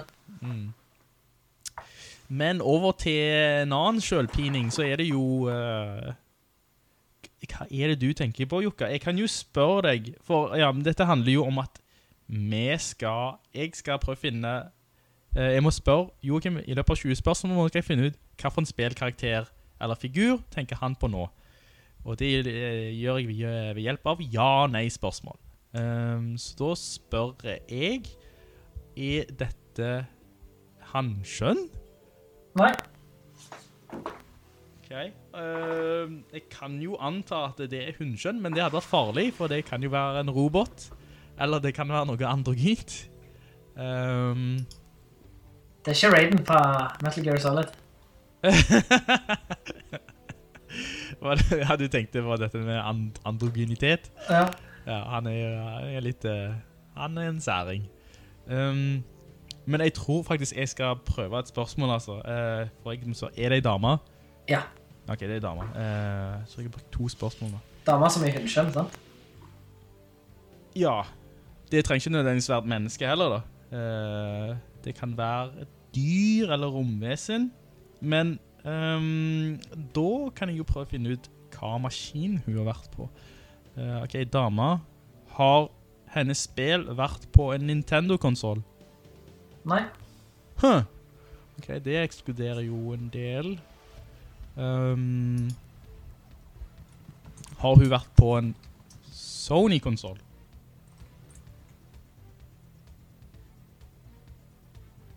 Nei. Huh. Da gjenstår det jo enten en uh, Microsoft-maskin eller en PC. Uh, men tenker, men tenker, men tenker, tenker. Mm. Jeg må bare spørre, altså. Jeg, har hun vært på en Microsoft spillekonsol? Nei. Fuck! Uh, kan det være en PC, da? Kan, det, kan hun ha dukket opp i et PC-spill? Eh, da må jeg tenke Hva spill fins på PC-en der det er en kvinnelig karakter? Um, og som både jeg kjenner til, og som Joachim kjenner til. Vet du hvor mange spørsmål jeg går opp i nå? Du har ikke brukt så mange. Kanskje fire eller fem. Uh, Det er jo ja, 19 som er maks, da. Ja. Jeg, jeg, jeg, Nei, 20. Skal, skal jeg holde telling, og skal du? Jeg har mistet telling. Ja, men tell etterpå. Du får telle når du redigerer. ok, da. Um, kvinnelig, kvinnelig. Kvinnelig. Um, det kan jo for så vidt være en sånn arcade, ark arkadespill, som, ikke, som aldri fant veien hjem til stua. Uh, ok. Dama. For dette er jo veldig begrenset når jeg tenker meg om. PC-spill. Uh, har hun Ok, er det Homo sapiens? Om hun er homo sapiens? Ja. Um, kan i alle fall svare ja. ok, det var litt sånn Det var ikke et øyeblikkelig ja der. Uh, men du kan svare ja. Ok, så i hvert fall menneske, menneskelige trekk, eller tilsynelatende menneske. Uh, har hun vært på et, i et PC-spill? Ja. Ja. Shit. PC-spill. Uh, for det der, er- det der er min kunnskap litt begrenset, må jeg si. Det um, Kom dette spillet ut uh, På 1990-tallet? Ja. Ok. Ah, nei, det kan ikke være Tomb Raider, uh, selv om... Nei, det kan i hvert fall ikke være Tomb Raider. Uh, 1990-tall... Da hadde du vært på konsoll også, da. Ja, ja. Eh, nå må jeg virkelig dykke i... Har du hørt om det som kalles Mind Palace. Ja. Ja, du går inn, og så lukker du dører og åpner skuffer og skap, og så ser du hva som finnes. Men da må Men jeg er, åpne... er det en ekte ting? Eller er det en science fiction-ting? Nei, det er en sånn ekte ting for... Uh... Jeg fikk vel sett det i Inception eller noe sånt. Ja, ja. Er det en Eh, ekte ting? Ja, jeg tror det er en måte å bruke hukommelsen på. Uh, Så visualisere det? Du, visualiserer at du er i et rom, og så på en måte putter du ting inn i skuffer og skap. Så bare ser du for deg at du åpner det, og så på en måte kommer det minnet tilbake. Men må du da ha lagt minnet bestemt inni en skuff? Jeg tror det. Ja. Imaginær da. Ja, ja. Kult, det var neste ting. Men, men, men jeg har jo ikke lagt... Min, min eh, PC-hylle, eller mitt PC-rom er jo bare rot. Eh, men hun her, menneske, PC-spill, uh, og lagt på 90-tallet. Uh, da må jeg gå til en sjanger som jeg har litt kunnskap om. Og er det spiller hun i et spill som kan kalles point and click? Nei. Fuck! Uh, PC-spill på 90-tallet var jo mye Jeg følte det var mye adventure, point and click, Mm. Uh, men òg skyting. Uh, Det er en annen sjanger igjen. Ja. Er det et skytespill? Nei. Hø. Da forsvant den boksen. Eller jeg kan, jeg kan kaste den skuffen ut vinduet, i hvert fall. Uh, Jeg har noe fint igjen i alle fall. sånn du kan bruke den en annen gang. Ja, det kan jeg godt Å, Åh, PC-spill. Eh, for nå, må jeg jo tenke, når, når jeg spilte PC-spill på 90-tallet. Men det kan jo være, det kan, når jeg tenker meg om nå, det er en stor uh, sjanger som jeg har glemt, og det er strategispill. Uh, tilhører hun uh, Har hun spill er hennes spill i strategisjangeren? Ja. Ja, ok da. Ja, men det, nå begynner det å ligne på noe. Ehm, for da har jeg i hvert fall en karakter som jeg synes er veldig uh, gøy. Men det kan jo være hun, men jeg skal ikke gå rett på hun med en gang.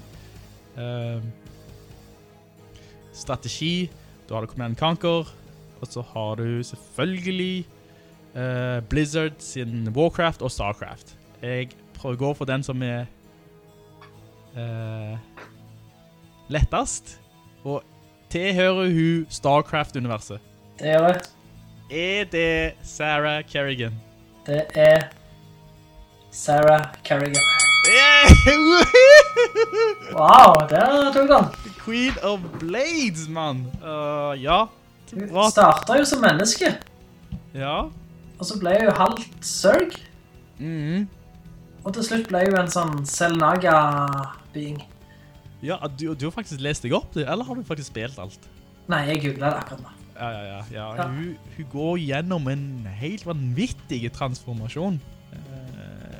Ja, jeg ser bildene her. Er- Ja. Ja, veldig. Um, Bra jobb, Harry. jo, takk. Eh, altså, du, du, du hørte jo hvordan jeg jobbet der. Eh, resonerte meg frem. Eh, Jeg hørte at du jobbet, og plutselig så fant alt på plass da. Ja, Når du innså at søren, jeg har ikke pirket borte i strategisjangeren denne. Ja, det... Med en gang den var på plass, så var det bare sånn, yes, ok, da må det jo være. Men, eh, men eh, det var jo, hun er jo en, kanskje en av de viktigste karakterene innenfor eh, Starcraft-loren, og kanskje på en måte i det, i strategisjangeren, så er det jo mange som på en måte kjenner navnet hennes. Eh, Ja. Starcraft er jo en av de største. Så, eh, takk for den. Vet du hva jeg egentlig ville spørre deg om meg? Hva? Men jeg vet ikke om dette her er mulig en gang å finne svar på. Mm. Uh, jo, her står det. Skal vi se.